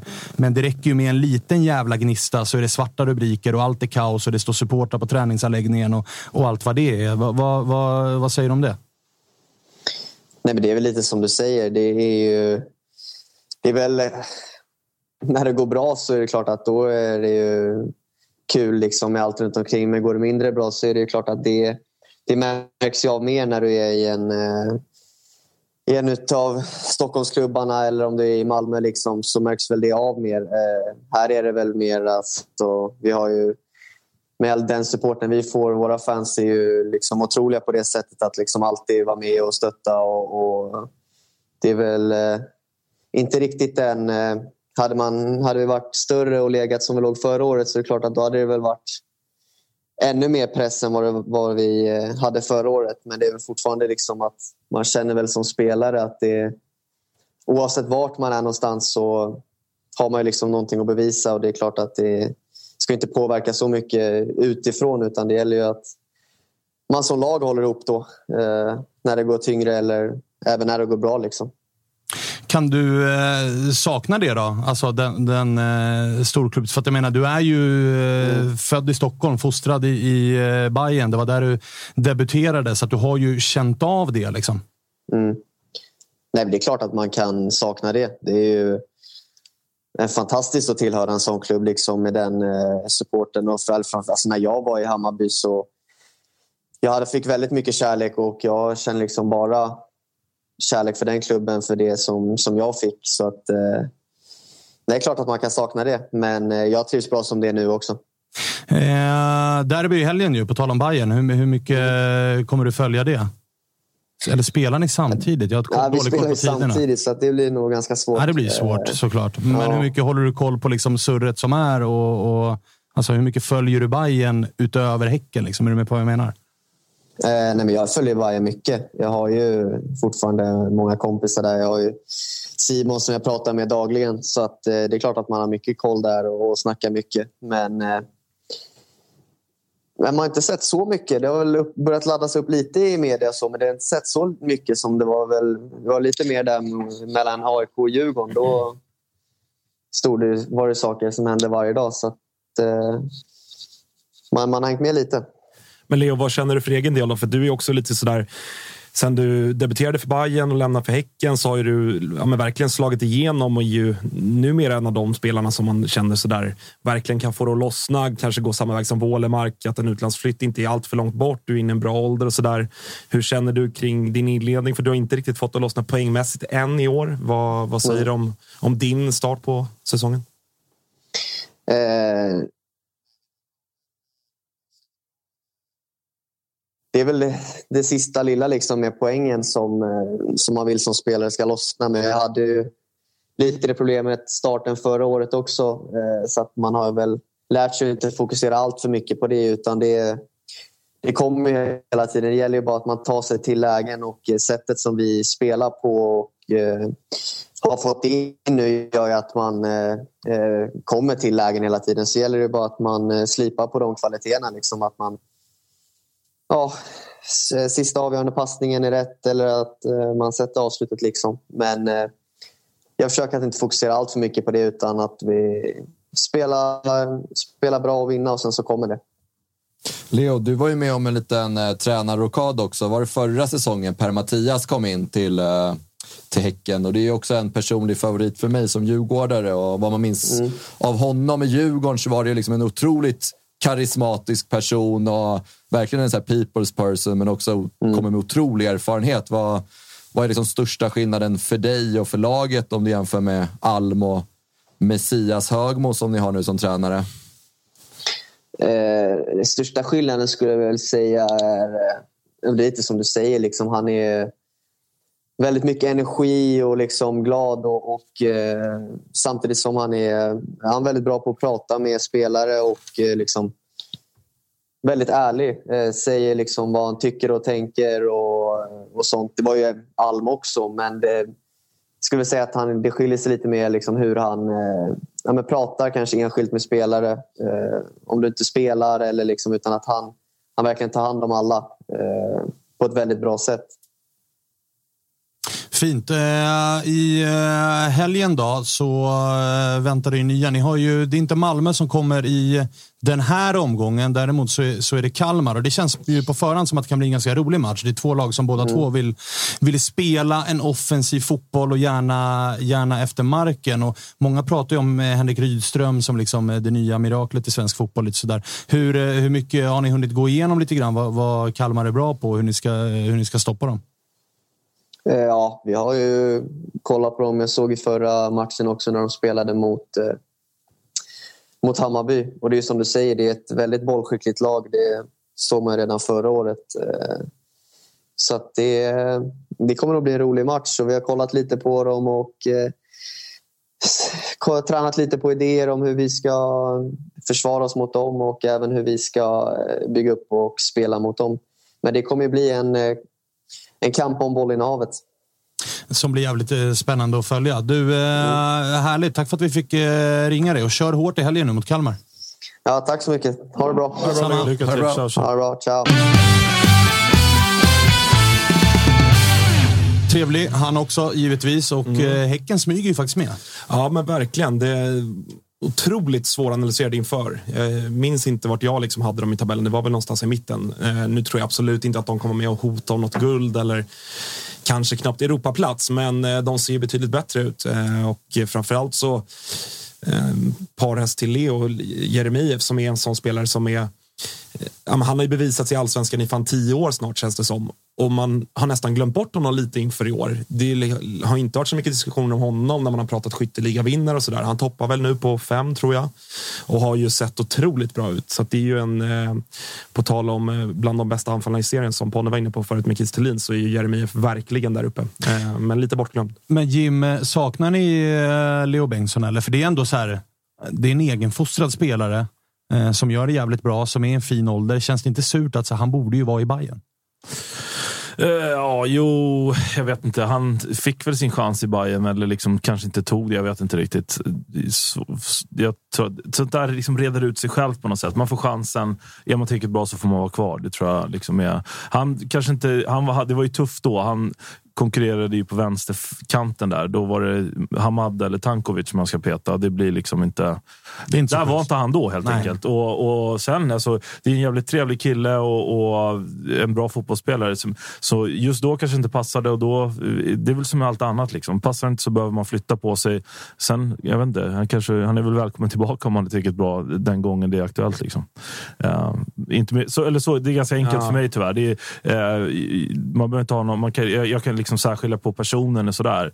Eh, och framförallt på prestationen, för då, han var liksom inte tillräckligt bra då. Så att, men jag håller med om det där. Det är lätt att, man, det är lätt att när man liksom tar sådana unga spelare att det är lätt att dra så stora växlar, vilket så här, ibland kan det vara rättfärdigat, men ibland kan det också bara handla om lite tur och tillfällighet och som du säger, Precis, hur precis. konkurrenssituationen ser ut i övrigt. Vissa sådana unga spelare, liksom, om jag ska försöka gå till AIK, men Niklas Eliasson är en sån klassisk där man känner att han inte riktigt pallade trycket. Och den analysen tycker jag är ganska fair att, att ta.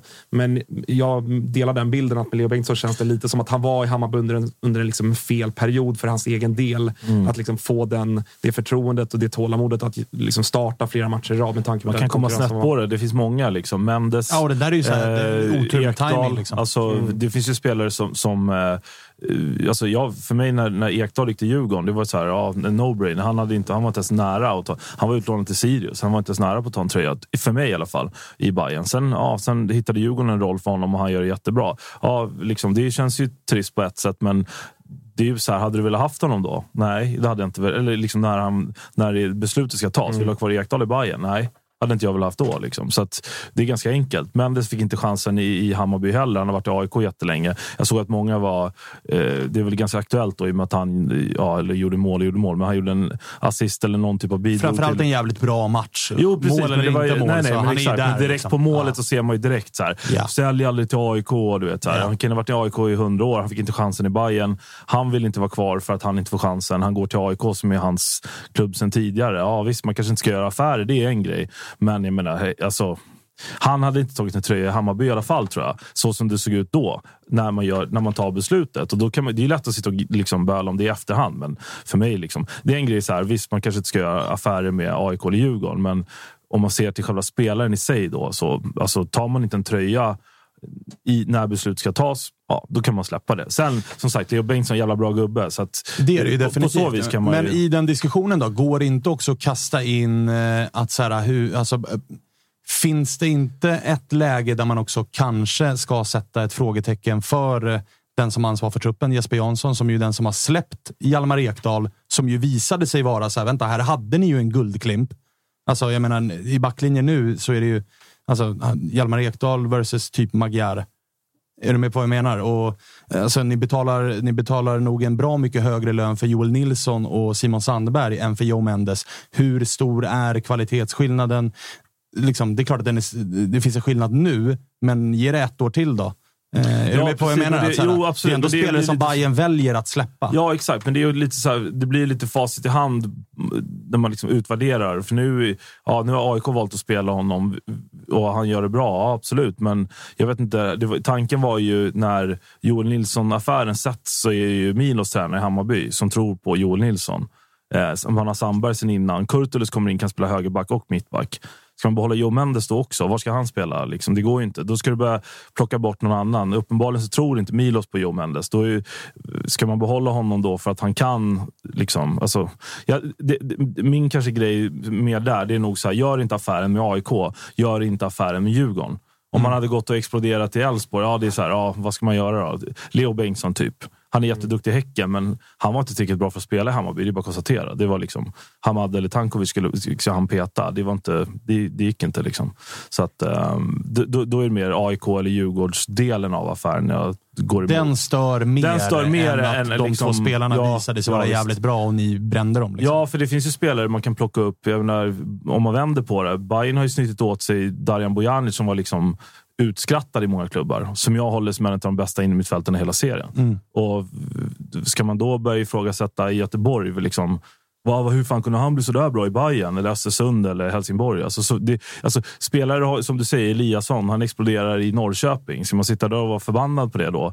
Nej, men han kanske inte funkade inte AIK. Liksom. Det, Exakt, och jag, Alltså, tror, att, jag tror att det många vänder sig mot är att så här, har ni ett eh, B-lag, som man får säga, nu, har, nu heter de väl HTFF till och Ja, med, ja, men precis, innan det hette de ju Frej, där det var tydligt att så här, det här är vår samarbetsklubb. Här ska unga spelare vara, de ska utvecklas och sen ska de ta steget upp. Och uppenbarligen så har både Ekdal och Mendes varit där och varit redo. Men bara det att Bayern har inte sett det. Om det är tränaren, om det är sportchefen, vem det nu än är. Någon har ju valt att så här, vi släpper de här gubbarna. Och Ja, så går de precis. till... Sen är det, svider det ju såklart extra att de går till rivaler. Det fattar ju vem Ja, det som är mer helst. det liksom. som jag vänder mig emot. Kanske att man, att man känner man då att... Sen är det så här, jag vet inte. Alltså, jag tror inte Hjalmar Ekdal var liksom inte nära att få... ta en tröja. Och sen så ska man sätta honom i en frysbox då, bara för att det är just... Det finns ett alternativ att sälja. Är det Djurgården då? Ska man sätta en, jag vet inte hur gammal han var då, men en, en ung spelare i en frysbox och bara så här, du får spela i HTFF och bara kasta bort dig. Ja, kanske hellre än att sälja till Djurgården om jag men, men, eh, men annars så, så här, då får man väl leta nya bud liksom, tills det kommer något från ja, Mjällby eller vad, vad det nu kan vara. Liksom. Det är väl mer så. Men, men eh, Eh, det, är- alltså, det, allting blir så jävla... Det, det är så lätt att bara räkna hem grejer i efterhand tycker jag. Generellt så, eh, där och då, man tar det beslutet som är bäst fotbollsmässigt.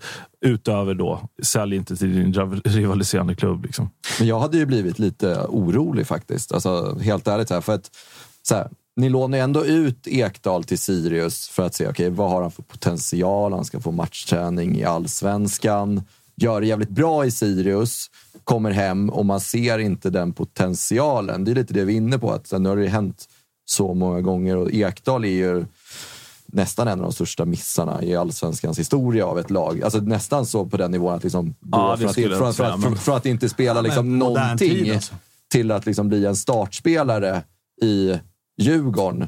Eh, bara på en övergång. Det är liksom, Djurgården har inte lånat ut honom. Och jag hade ju blivit jättebesviken på Djurgården om vi hade skeppat jag menar, Elias Andersson den här säsongen som gjorde en jättefin säsong i Mjällby. Och vi lånar ju ut honom i syfte att han ska få matchträning och han gör det bra i Mjällby. Sen kommer han tillbaka till Djurgården och vi väljer att skeppa honom. Han ska ju förtjäna att få en chans i Djurgården. Och det tycker jag att det är ju kanske Hammarby agerade lite man konstigt med Ekdal som ändå fick speltid i Sirius. Kommer hem till Hammarby och man lånar ut honom i syftet att han just ska få speltid och ändå visa sig vara en bra allsvensk Ja, mittback. jag, ja, jag, vet, jag tyckte inte han var speciellt bra i Sirius. Men, men, eh, alltså, och sen är det så här, analyser kan ju gå... eh, Så, för det är, det, det- är också en grej som man tycker jag måste... Liksom, man, får liksom, alltså, man, kan, man behöver inte lita blint på sin sportchef, men det finns ju massa andra situationer där sportchefen gör någonting bra. Och sen så ska man liksom slakta... Sport, alltså det, det kommer ju komma misstag. Och dessutom kan man ha, en olika, man kan ha olika sätt att se på en spelare. Absolut. Att här, den här spelaren passar inte i vårt sätt att spela. Eller, Ja, så eller, kan- och den Alltså, parametern ska vi absolut ja, nämna. och, och då tycker jag det är så lätt som sagt, att räkna hem det i efterhand. Att, ja, men titta vad bra Hjalmar Ekdal är i Djurgården. Ja, visst, men han kanske inte hade varit lika bra i Bayern. Mm. Alltså, och, och, det, och det, det, liksom, det, det, blir spekulativt, men, men eh, jag litar på Jansson i, det, i den aspekten. Jag tycker man liksom, man, det är svårt att bara plocka ut. Man, han har väl förhoppningsvis en röd tråd. Ska du bara plocka ut såna här små grejer och, och liksom, då, då får man nästan räkna plussen också. Så får man göra någon liksom vikta en lista. Sådär. Så, och jag tycker som HTFF, då har ju Bayern har väl visat att Lado får spela, eh, Willow Sveberg får spela, eh, Dovin får spela. Han har också stått i HTFF. Så att det är inte bara liksom, det är inte bara en köttkvarn där folk inte blir någonting. Så ja, jag vet inte.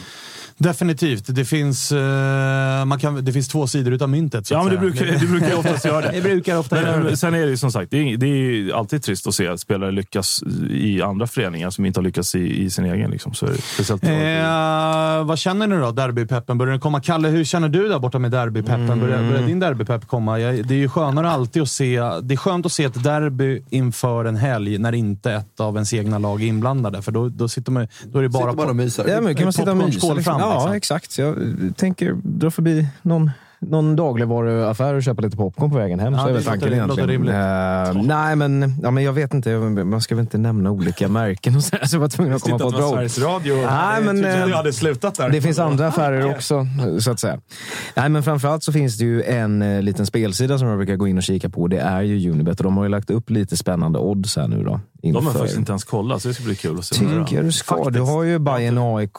Där, där är Bayern favorittippare. Ganska klara, till, va? Ja, skulle jag verkligen säga. 2,30 jämfört med, jämfört med AIK 3,40. Så att, eh, ja, det säger någonting. Vad har vi på 1-1? På 1-1 har vi också 3,40. Det är så. Den är man inte sen att hugga Hela på. kryssen. Är Mm. ett favorit på 0-0 eller? Alltså, vi släpper ju inte in mål och ni har ju slutat göra mål. Så att... Eh, Och det, alltså, min bild är att det kommer vara ganska likt eh, matchen mot Malmö faktiskt. Alltså, Alltså, er- Hammarbys, match Hammarbys mot match mot Malmö. Ja. jag hade ju inte hatat om Jag det tror var att- lik våran match mot Malmö. Nej, eh, men eh, jag tänker att ehm, eh, AIK som ja, de vi- vinner mot Göteborg, vinner mot Malmö på en vecka och har Hammarby alltså, jag ska inte säga att man går in och nöjd med ett kryss, men ni förstår vad jag är ute efter. Ja, nej, men, eh, precis. Står det 0-0 efter en timme så tror jag Nej, inte då- AIK... då- ja, AIK byter ju inte... Det, det, det spelas ingen liksom, champagnefotboll då. Det gör du ju aldrig. Nej, nej, men förstår vad jag menar. Men Det, det, det, det, det tror inte jag att det kommer göra från ert håll heller. Utan jag tror egentligen båda lagen på förhand är ganska nöjda med ett kryss. Sen så känns det väl ändå rent... det tror jag inte Bayern är faktiskt. Tror du inte det? Nej, nej. Inte efter de här Nej. två senaste. Alltså Kalmar-insatsen tror jag... Och det är också lite det vi snackade om innan med, med Malmö. Att ska du hitta edge på, på att vinna ett SM-guld, då kan du inte, du kan inte kryssa hemma mot AIK och åka till Friends på hösten och vet hur tufft Bayern haft där. Vi, Du stekte din oddsrek där. Nej, men eh, fan, ja, nej, det, det, det, det får du så gärna. Men jag tänker nog faktiskt, eh, även ifall det... Jag, jag har funderat lite på att det vore ju nästan lite skönt med en AIK-torsk för att hybrisen börjar ju stiga er åt huvudet nu. eh, men 3,40 är ju fina, fina odds, så jag kommer nog lägga en liten slant på det. För jag har ju inte problem med spel, för då hade jag gått in på stödlinjen.se istället. Och jag är över 18 år. Ja, nej, men jag, jag, jag vet inte om jag... Jag, jag, jag står nog ändå fast vid att jag tror ändå att Bayern är relativt nöjda med ett kryss utifrån att AIK har ändå en match mer spelad dessutom. Så att Bayern har ju liksom fortfarande... För, AIK är två poäng före Bayern just nu, va? Visst är det så? så borde det vara. det kan stämma. och AIK har en match mer, så att så här, rent poängmässigt så, så är ni ändå, har ni det ändå i egna händer. Nu är det tidigt på säsongen, men du förstår vad jag menar. Eh, men jag, jag, jag tror väl att... Eh, jag tror ändå att AIK kommer, alltså för att vi har ändå en historia av, kanske framförallt mot Djurgården, men även mot Bayern att göra en del riktigt bra prestationer. Vi minns 3-0 för ett par år sedan och, och sådär. Eh, och med den formen som AIK är i så, eh, på tal om det här, ta kryss på förhand. Kanske att jag tar ett kryss på förhand på söndag, Ja, men jag- liksom, jag, jag tycker ändå att AIK har liksom, jag tycker inte att Bayern ska vara så stora favoriter som oddsen säger. Jag tror ju att AIK eventuellt kommer ha, och det, det, alltså, det är derby. Det är inte så att eh, det kommer saknas bränsle för spelarna. Men de kommer ändå från en vecka med Blåvitt hemma, Malmö hemma. Det är två stycken ganska psykologiskt, emotionellt liksom påfrestande matcher. Två stycken vinster dessutom. Eh, så det, det är inte så att jag sätter upp en varningsflagg för motivationen, men däremot för liksom, alltså soppan. Hur mycket Ja, bensin absolut. finns det i tanken? För det, det tar på krafterna, även om det är två vinster. Det, det, hade det varit något poängtapp i de här två senaste, då, då hade det varit ännu större frågetecken. För att vinster ger ju energi och motivation och hela den här grejen.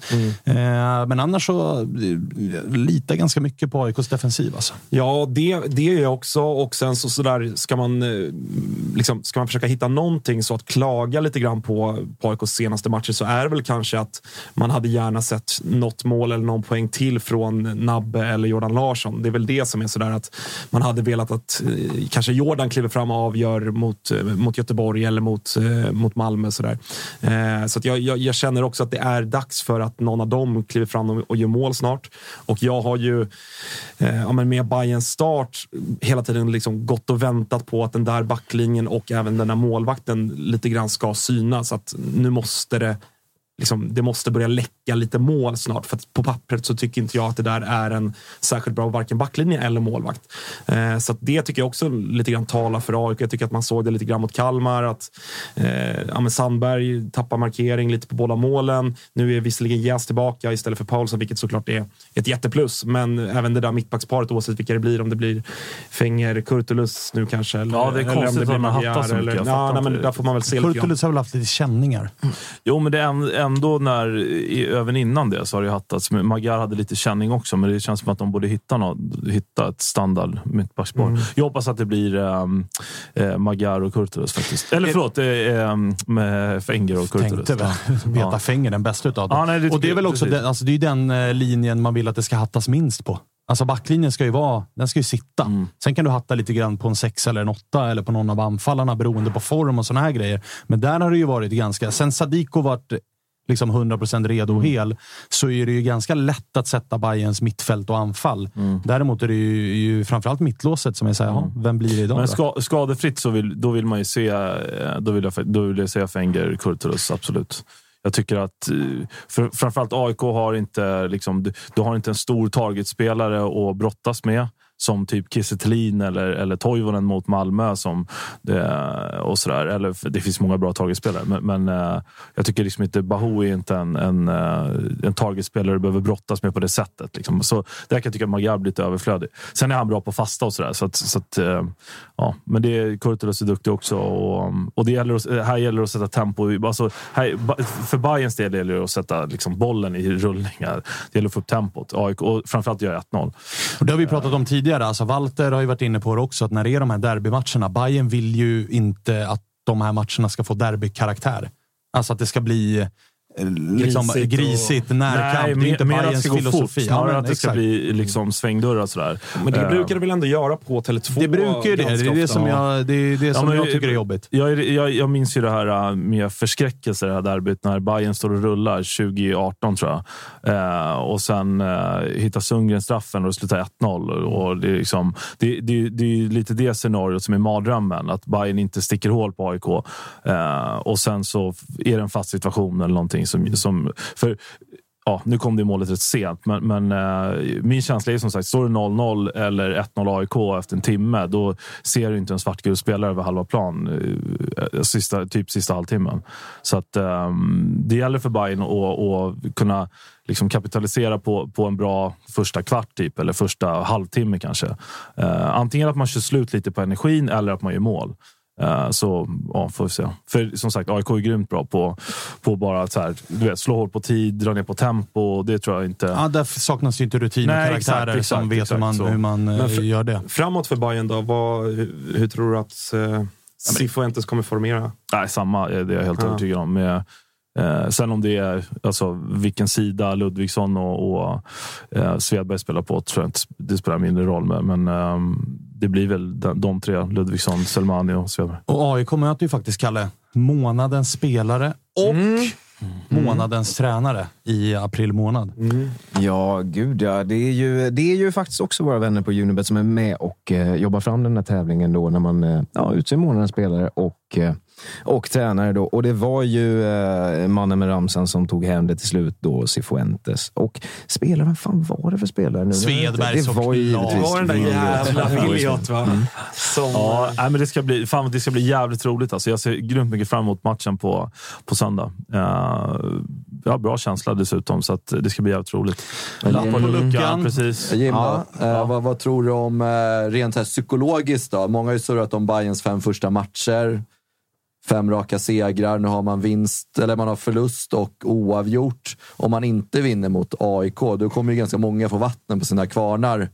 Kanske oförtjänt, men många kommer ju få det. Att, ja, men nu, du vet, de vann de fem lätta. Nu vart det lite svårare motstånd. Då kan man inte vinna längre.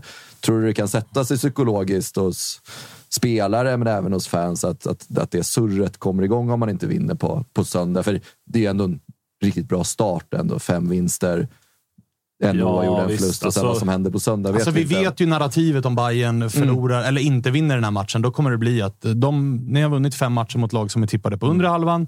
Ni har haft tre matcher mot lag på den övre halvan och inte vunnit någon. Det är ju så det kommer låta. Många det får ju vatten redan på sina nu. kvarnar. Ja. och, och där är det också, det, det, det är liksom en, någonting jag kommer tillbaka till ganska ofta, eller, eller nästan alltid. Så folk vill, framförallt de Hammarbyarna som har med i olika sammanhang, jag är trött på att höra det. Men alltså, det är ju så extremt stor skillnad, och det ska det vara, på vad vi sitter här och gaggar och, och jiddrar om. Liksom.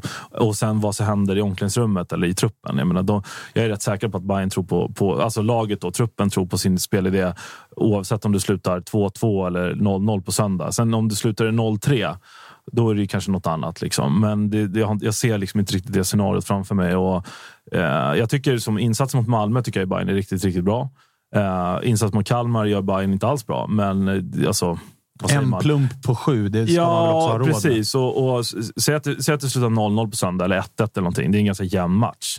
Ska man börja bli hängbjörk för att man, för att man spelar 1-1 mot AIK, som leder serien, och så, som är en guldkandidat, det, då tycker jag man är lite snett på det. Men jag, jag förstår frågan. Alltså, det är klart att det... För surret kommer ju komma. Ja, ja, det, absolut. Ja, och vi. jag tror dessutom är ju två av dem är ju, alltså Malmö och AIK är ju dessutom hemmamatcher. Som är så här, Ja, absolut, de ska man ju absolut. vinna mot toppkonkurrenter. Precis, men jag tror att det, det, det hänger lite på hur det ser ut. Alltså, eller så, så resonerar i alla fall jag. Jag tycker liksom, eh, som sagt, Hammarbys insats mot Malmö, det är inte som att eh, Hammarby har mött fem enkla lag, springer in i Malmö, kommer undan med liksom blotta förskräckelsen. Utan, jag ska inte säga att det är tvärtom heller, att de spelar ut Malmö. Men det är en jämn match, Det är en liksom. jämn match där Bayern är riktigt bra i stunder, Malmö är bra i stunder och, liksom, och där kan man dra, dra ett streck. Liksom. Um, Medan, som sagt, ser det ungefär likvärdigt ut mot AIK, då är det så här, ja, nu kanske man kan börja gnissa lite om att ja, återigen en match utan att Selman har gjort mål eller du vet så. Ludvigsson är ur form och bla bla bla. Men, men eh, jag tycker liksom, ifrågasätta hela så här, säsongen, det tycker jag är tidigt att göra. Så, att, eh, så länge prestationen är bra så tror jag att åtminstone truppmässigt att, att eh, de klarar sig. Liksom. Sen vet, att vi sitter och fäktar här, det, det får man ju räkna med. Så det. Vi måste ju hitta saker Ja, att prata exakt. om. Ja, och menar, det, är klart att det, det är klart att drömscenariot är att, att vinna på söndag och sen får man någon chirp om att Bayern bara slår enkla lag. Och så, bara, det, så, så funkar det ju. Liksom. Och så är ni igång. Ja, exakt. Eh, Lossnar väl för Selman idag? Ja, det är väl dags nu. Det är väl dags nu. Bara för att vi har varit på honom lite grann. Ryktas ju också om att det... Jag har inte hört mycket mer än rykten om att det kommer vara ja, men lite sköna derbykorrar, vilket det såklart eh, kommer vara. Men rykten har nått med att det jobbas hårt från eh, håll och kanter. Eh, att det eventuellt kan bli något storslaget här på Ja, söndag. det vore ju roligt. Alltså. Ja, det, det kan det nog bli. Ni har väl har ni, had, har ni haft några såna riktigt stora korrar än? Ja, ni hade ju premiären ju. Ja, den var ju, den var ju fet. Och så arktiv. Men det, det känns ändå som att... eh, och sen var det ju... Ni har sparat något eh, riktigt fett Ja, i den här. det är min Ja, det var inte, okej, jag tyckte inte att tifot mot Malmö var eh, liksom, det, var inte det var ingen wow på något sätt. Det, det, det Ja, var, men tre starka plus. Ja, men eh, exakt. Och, och det är Malmö hemma. Liksom. Det, det, det, så att jag räknar med att det blir riktig körning faktiskt. på. Och, jag, och, och det jag har hört, eller, liksom, det- eller det jag har förstått, nu är inte jag någon, jag är ingen tifomålare, va? men, men eh, det, det finns ju lite, liksom, det finns ju idéer kvar. Sen, liksom, i, alltså, säkert i, både i, alla, klubb, i alla klubbar, liksom, men, att det finns idéer kvar som inte fick förlösas under två år utan publik. Så att säga. Så det var att, väl eh, kanske det enda positiva med pandemin, att våra tifokrigare där ute fick liksom tid att sätta sig ner och Ja. komma på storslagna idéer och, som de nu kan iscensätta. För det har varit ett par jävla korrar den här säsongen. bunkra. Ja, exakt. Ja, och det är budisar och det är massa Ja, roligt som ska... Herregud, ja. Herregud, ja. Eh, det kommer bli, det kommer bli ett plats, jävla eller? derby. Jajamän. Ja, Ja. självklart. självklart Ja, det är ju inte givet att man åker till... Eller ja, för, för vissa är det väl det, men inte alla. Alltså, jag älskar ju... Eh, Jag, jag har sån jävla hatkärlek för bortaderbyna. För att var det någonting under Råsunda-tiden som jag verkligen saknade så var det bortaderbyn. Alltså det är något speciellt med att spela derbyn på bortaplan. Även, eller så alla typer av bortamatcher är ju speciella. Det finns ju lite, en, liten, så här, en liten charm i att känna att nu är det ta fan vi mot världen. Hemmamatcher Ja, så är man ju så. här, då, det- då, då är man ju 15 000 som är liksom trogna och man vet om att det här är vår borg och hela den här grejen. Men jag minns ju bortaderbyt. Det är kanske mitt liksom främsta derbyminne eh, av liksom bortaderbyn, trots att AIK torskade. Så jag tror det var Björn Runström gjorde båda målen på Söderstadion. Det var väl det enda derbyt AIK fick spela där, tror jag. Sen gjorde Mm. Ja, det ni kaos jag. mot Djurgården Mm, och så var det mm, stekt med det där när det var stormning av plan och grejer. Men det bortaderbyt var, det, det var fan i mig mäktigt att stå i den där lilla buren och känna att här är vi fan på bortaplan. Ja, alltså. man är inte välkommen. Nej. Nej precis. De är, de är jättemäktiga. Jag, mitt, så här, jag har många fina derbyminnen, men, men ett av de nästan bästa det är, det är när Bayern går upp och, och cupderbyt är borta. Första. Första Mm, det. på Friends. För det var, det var liksom, man var så törstig på att få ett derby. Och Bayern var så jävla uträknade med en trupp som liksom, ja, men det kändes som att den kostade en... Det var så här, äh, Ja, men det var en less. Novara Ja. Juve typ. Jag förstår, Ja, ja. Det är liksom, eh, och sen så, så, så, så får Kennedy hänga och, och, och Bayern vinner. Det var liksom bara sådär, vadå slå ut AIK i cupen? Det, det skulle inte ens gå. Och sen, ja, det, var, det var verkligen... Ja, men jag, jag, är också, jag gillar också bortaderbyn av, av flera anledningar. Men en, en är ju dels att det generellt, eller så här, Tele2 är ju en bättre arena rent liksom stämningsmässigt sen liksom plastmattan och allt det där. Men det blir ju generellt, det är enklare att skapa bra stämning på Tele2 än på Friends för att Friends är större och mycket sämre med liksom akustikproblem och allt det där. Men det, det finns ju ett problem med Tele2 Arena som är ett enormt jävla problem. Det är att den är byggd som ett jävla ägg. Alltså vem har Ja. tänkt där? Vad tänkte du på? Nej, men du vet att under, på ena sidan så är ju kort, undre etage på ena kortsidan är ju typ dubbelt så stor som undre etage på den andra kortsidan. Du menar att den, alltså, att den är lite, vad ska jag säga, att den, att den lutar? Eller man säger. Ja, men exakt. Den är ju- den är Hammarbysidan Att är det ju... går liksom, restaurangen går ju rakt igenom där också. Ja, Jaha, ja, jo, jo. det- Ja, Franks. men, men, eh, det stör mig. Ja, det stör kanske, mig att men- den inte men- är symmetrisk. Ja, men det tror jag det finns, det, det tror jag det finns en anledning till. Jag, jag, jag orkar inte sitta och dra den vändan här. Nej, nej, det ska vi- ta det ska vi inte alltså, jag- göra. Jag, Det är tror, bara jag, lite tror ett att hang-up det, från mig. jag tror att det finns en anledning till att den ena kortsidan är större än den andra. Och det var för att den, och skitsamma som sagt om debatten. Jag tror att den byggdes för ett lag. Alltså, ja, för att jag ja, menar, och det- övre etage är ju, på den ena sidan är ju större än övre etage på den andra av Ja, förklarliga och, skäl. precis. Det, det, Nej, men jag håller med. Så trycket brukar kunna bli otroligt bra. Och det som är fint Ja. också när man är bortalag på Tele2 är ju att så här, biljetterna går ju åt så jävla snabbt. Så det är ju de som verkligen, verkligen vill vara där som är där. Men då det är Vilket- för till för årskortsinnehav. Ja, och det Ja, brukar betyda ett... eh, För att jag menar, när det är hemmaderbyn så är ju alla röststarka utspridda över flera sektioner. Här blir det någonstans som att alla samlas på en kortsida. Vilket gör att det brukar bli ett jävla tryck. Även från bortapubliken. Ja, men liksom. alltså nästan som att bortapubliken kan göra. Alltså så att säga, bli, det blir lite beroende på matchtyp. Jag- Såklart. Som, som jag kände lite mot, mot, eh, eh, mot Malmö. Där var det så här. Det, det, var liksom första gången på länge som jag kände man, då, då var det så nervositet inne på arenan. Du vet, och, och då blir det, nu hade inte Malmö något jättebortafölje. Det var, in, det var inget dåligt bortafölje, men inte, det var inte liksom Stockholms... Ja, men som mot oss tror jag, runt Nej. tusingen. Liksom, 800 Ja, någonstans. Men, men då blir det oftast många, när, när matchen så står och väger, då är det många som tittar på matchen.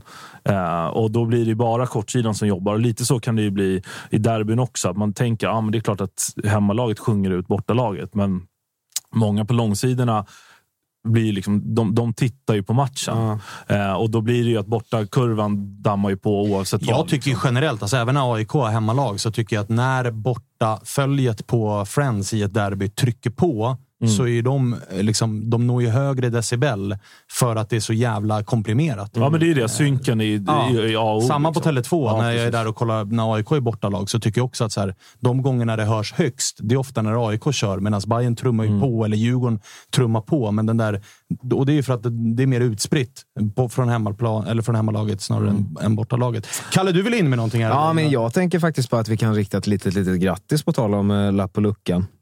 Eh, vi hade ju en tävling tillsammans med våra vänner på NLY-man ju. Där man eh, kunde vinna 5 000 spänn, presentkort då, på sidan, samt eh, två biljetter till denna matchen. Och nu har vi, ska inte hänga ut honom med för och efternamn, för det kanske han inte vill, men Erik heter han i alla fall. Så stort jävla grattis Erik. Du kan få en liten, en liten, en liten fanfar helt enkelt, eller? Kanske en liten sång? Nej, inte idag.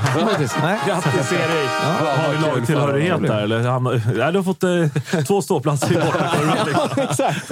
Jobbar i Degerfors. Ja, precis. Där får, vi, där får vi hoppas att det är bra plåtar. är Ja, men det har de faktiskt utlovat Ja, eh, på upp. Ja, Å andra sidan, den där matchen... Erik eh, Israelsson som ska stå på räcket på våran kortsida. Den där matchen ska man, vara, ska man vara glad att man får plåta till, som läget är just nu. För att det, det, Ja, visst. Det de gick åt fort. Ja, de gick åt ruskigt fort. Och det börjar nästan bli, det börjar nästan, alltså, det är också sådär, det börjar nästan bli en grej. Liksom, att man får nästan hjälpa folk att få biljetter till att gå på Bajen. Det känns svinmärkligt. Men, men eh, det var så Norrköping också. Jätte, såhär 27 000 sålda. Man får liksom, finns det någon plats kan du höra av dig. där. Så att det, det gäller att ligga på där om man vill ha en plåt. Så är det. Hör av er till Jim om ni behöver biljetter. Ja, exakt. Då sa han det? Riktig biljettgrad här. Det där, det där pranket har jag åkt på av en polare som i någon AIK Facebook-grupp. eh, 18 700 medlemmar. Jag, jag lämnade i den för att man får hjärnblödning av att läsa det. Då var det någon som skickade ut ett inlägg. ta- Taggade in. August Spångberg har massa biljetter över till ett derby här. Jag, jag hade inte sett det liksom. Så gratis soffa på Blocket en fredag. Ligger hemma i soffan. Alltså, får på riktigt 200 meddelanden på Messenger. Så här, hej, hörde att du hade biljett över? Nej, det har jag inte!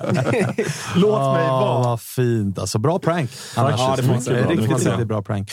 Eh, hörni, vi får se ifall det är lika glatt och muntert när vi hörs igen på måndag. Det kan vara så att Svanemar har sprängts av hybris ifall AIK vinner den här matchen, för det är ungefär det som står på spel här ju, August. För att vinner AIK det här så är det den sjukaste veckan på bra jävla länge. Som, som aik skulle Bayern vinna, då är det bara krypa till korset, ta fram nålen, spränga hybrisballongen och så börjar vi om igen på, på ny kula. Vi får se vilka vi har med oss i studion på måndag. Det blir också spännande. Det har vi inte riktigt satt än, för det beror lite grann på resultat och sådär. Men vi vill ju snart Jag är ha... tveksam om jag kan dyka upp, alltså, jag orkar inte åka på den här. Du satt där och var tuff innan. Ja, exakt. Vill, vill du säga redan nu Jag du... tror nämligen att jag inte har möjlighet på måndag, det är så som det ser ut nu. Så att, då slipper folk tro att jag gjorde no-show. För att oavsett resultat då, så vet ni att jag troligtvis inte är här. Ah, Okej, okej. Eh, okej. Då så, jag- så jag sitter inte här och, och, och blåser upp mig. Och, och, Jag är ju lite lack över att Walter inte är här idag.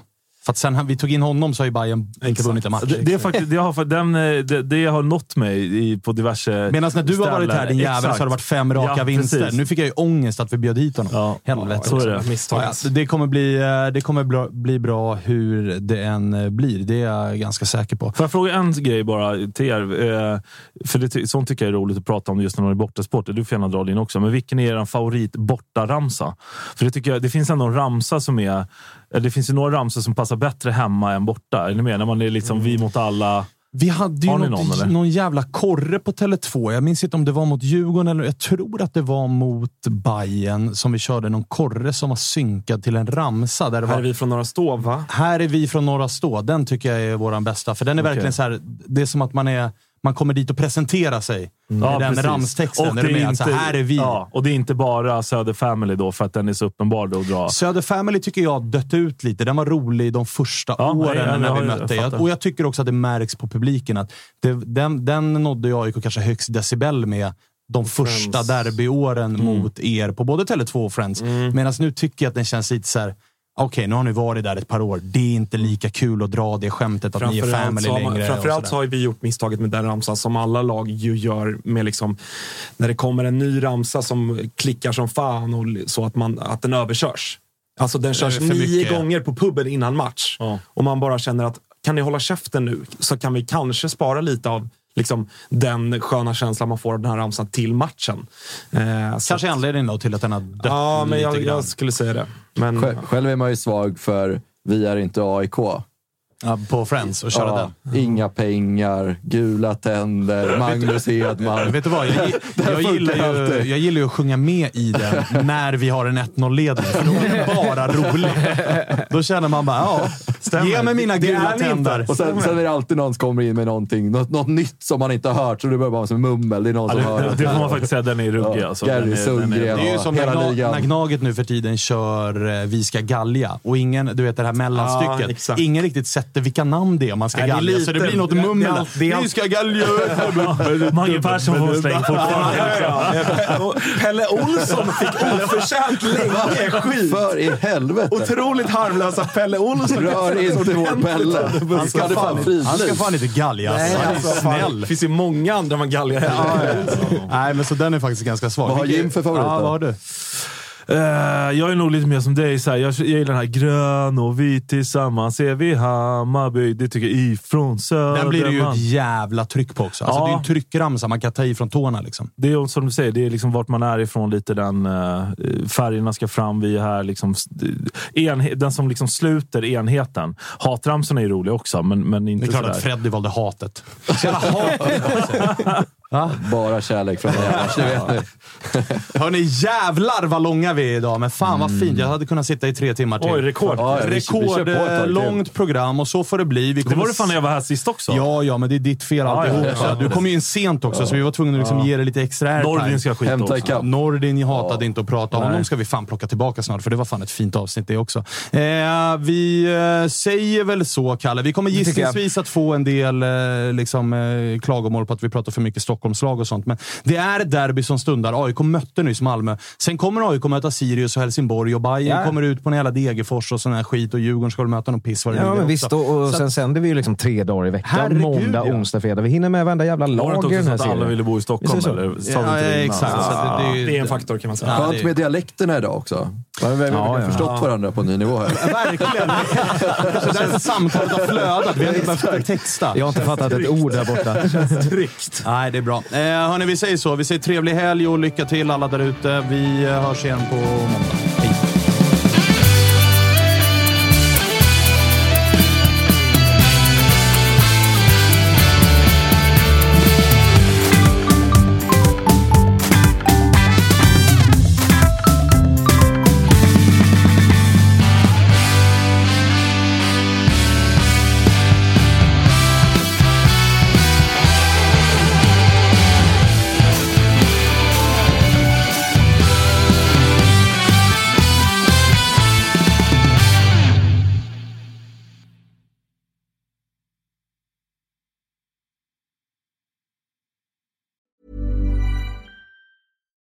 Deserves the best, and there's no better place to shop for Mother's Day than Whole Foods Market. They're your destination for unbeatable savings, from premium gifts to show-stopping flowers and irresistible desserts. Start by saving 33% with Prime on all body care and candles. Then get a 15-stem bunch of tulips for just $9.99 each with Prime. Round out Mom's menu with festive rosé, irresistible berry chantilly cake, and more special treats. Come celebrate Mother's Day at Whole Foods Market.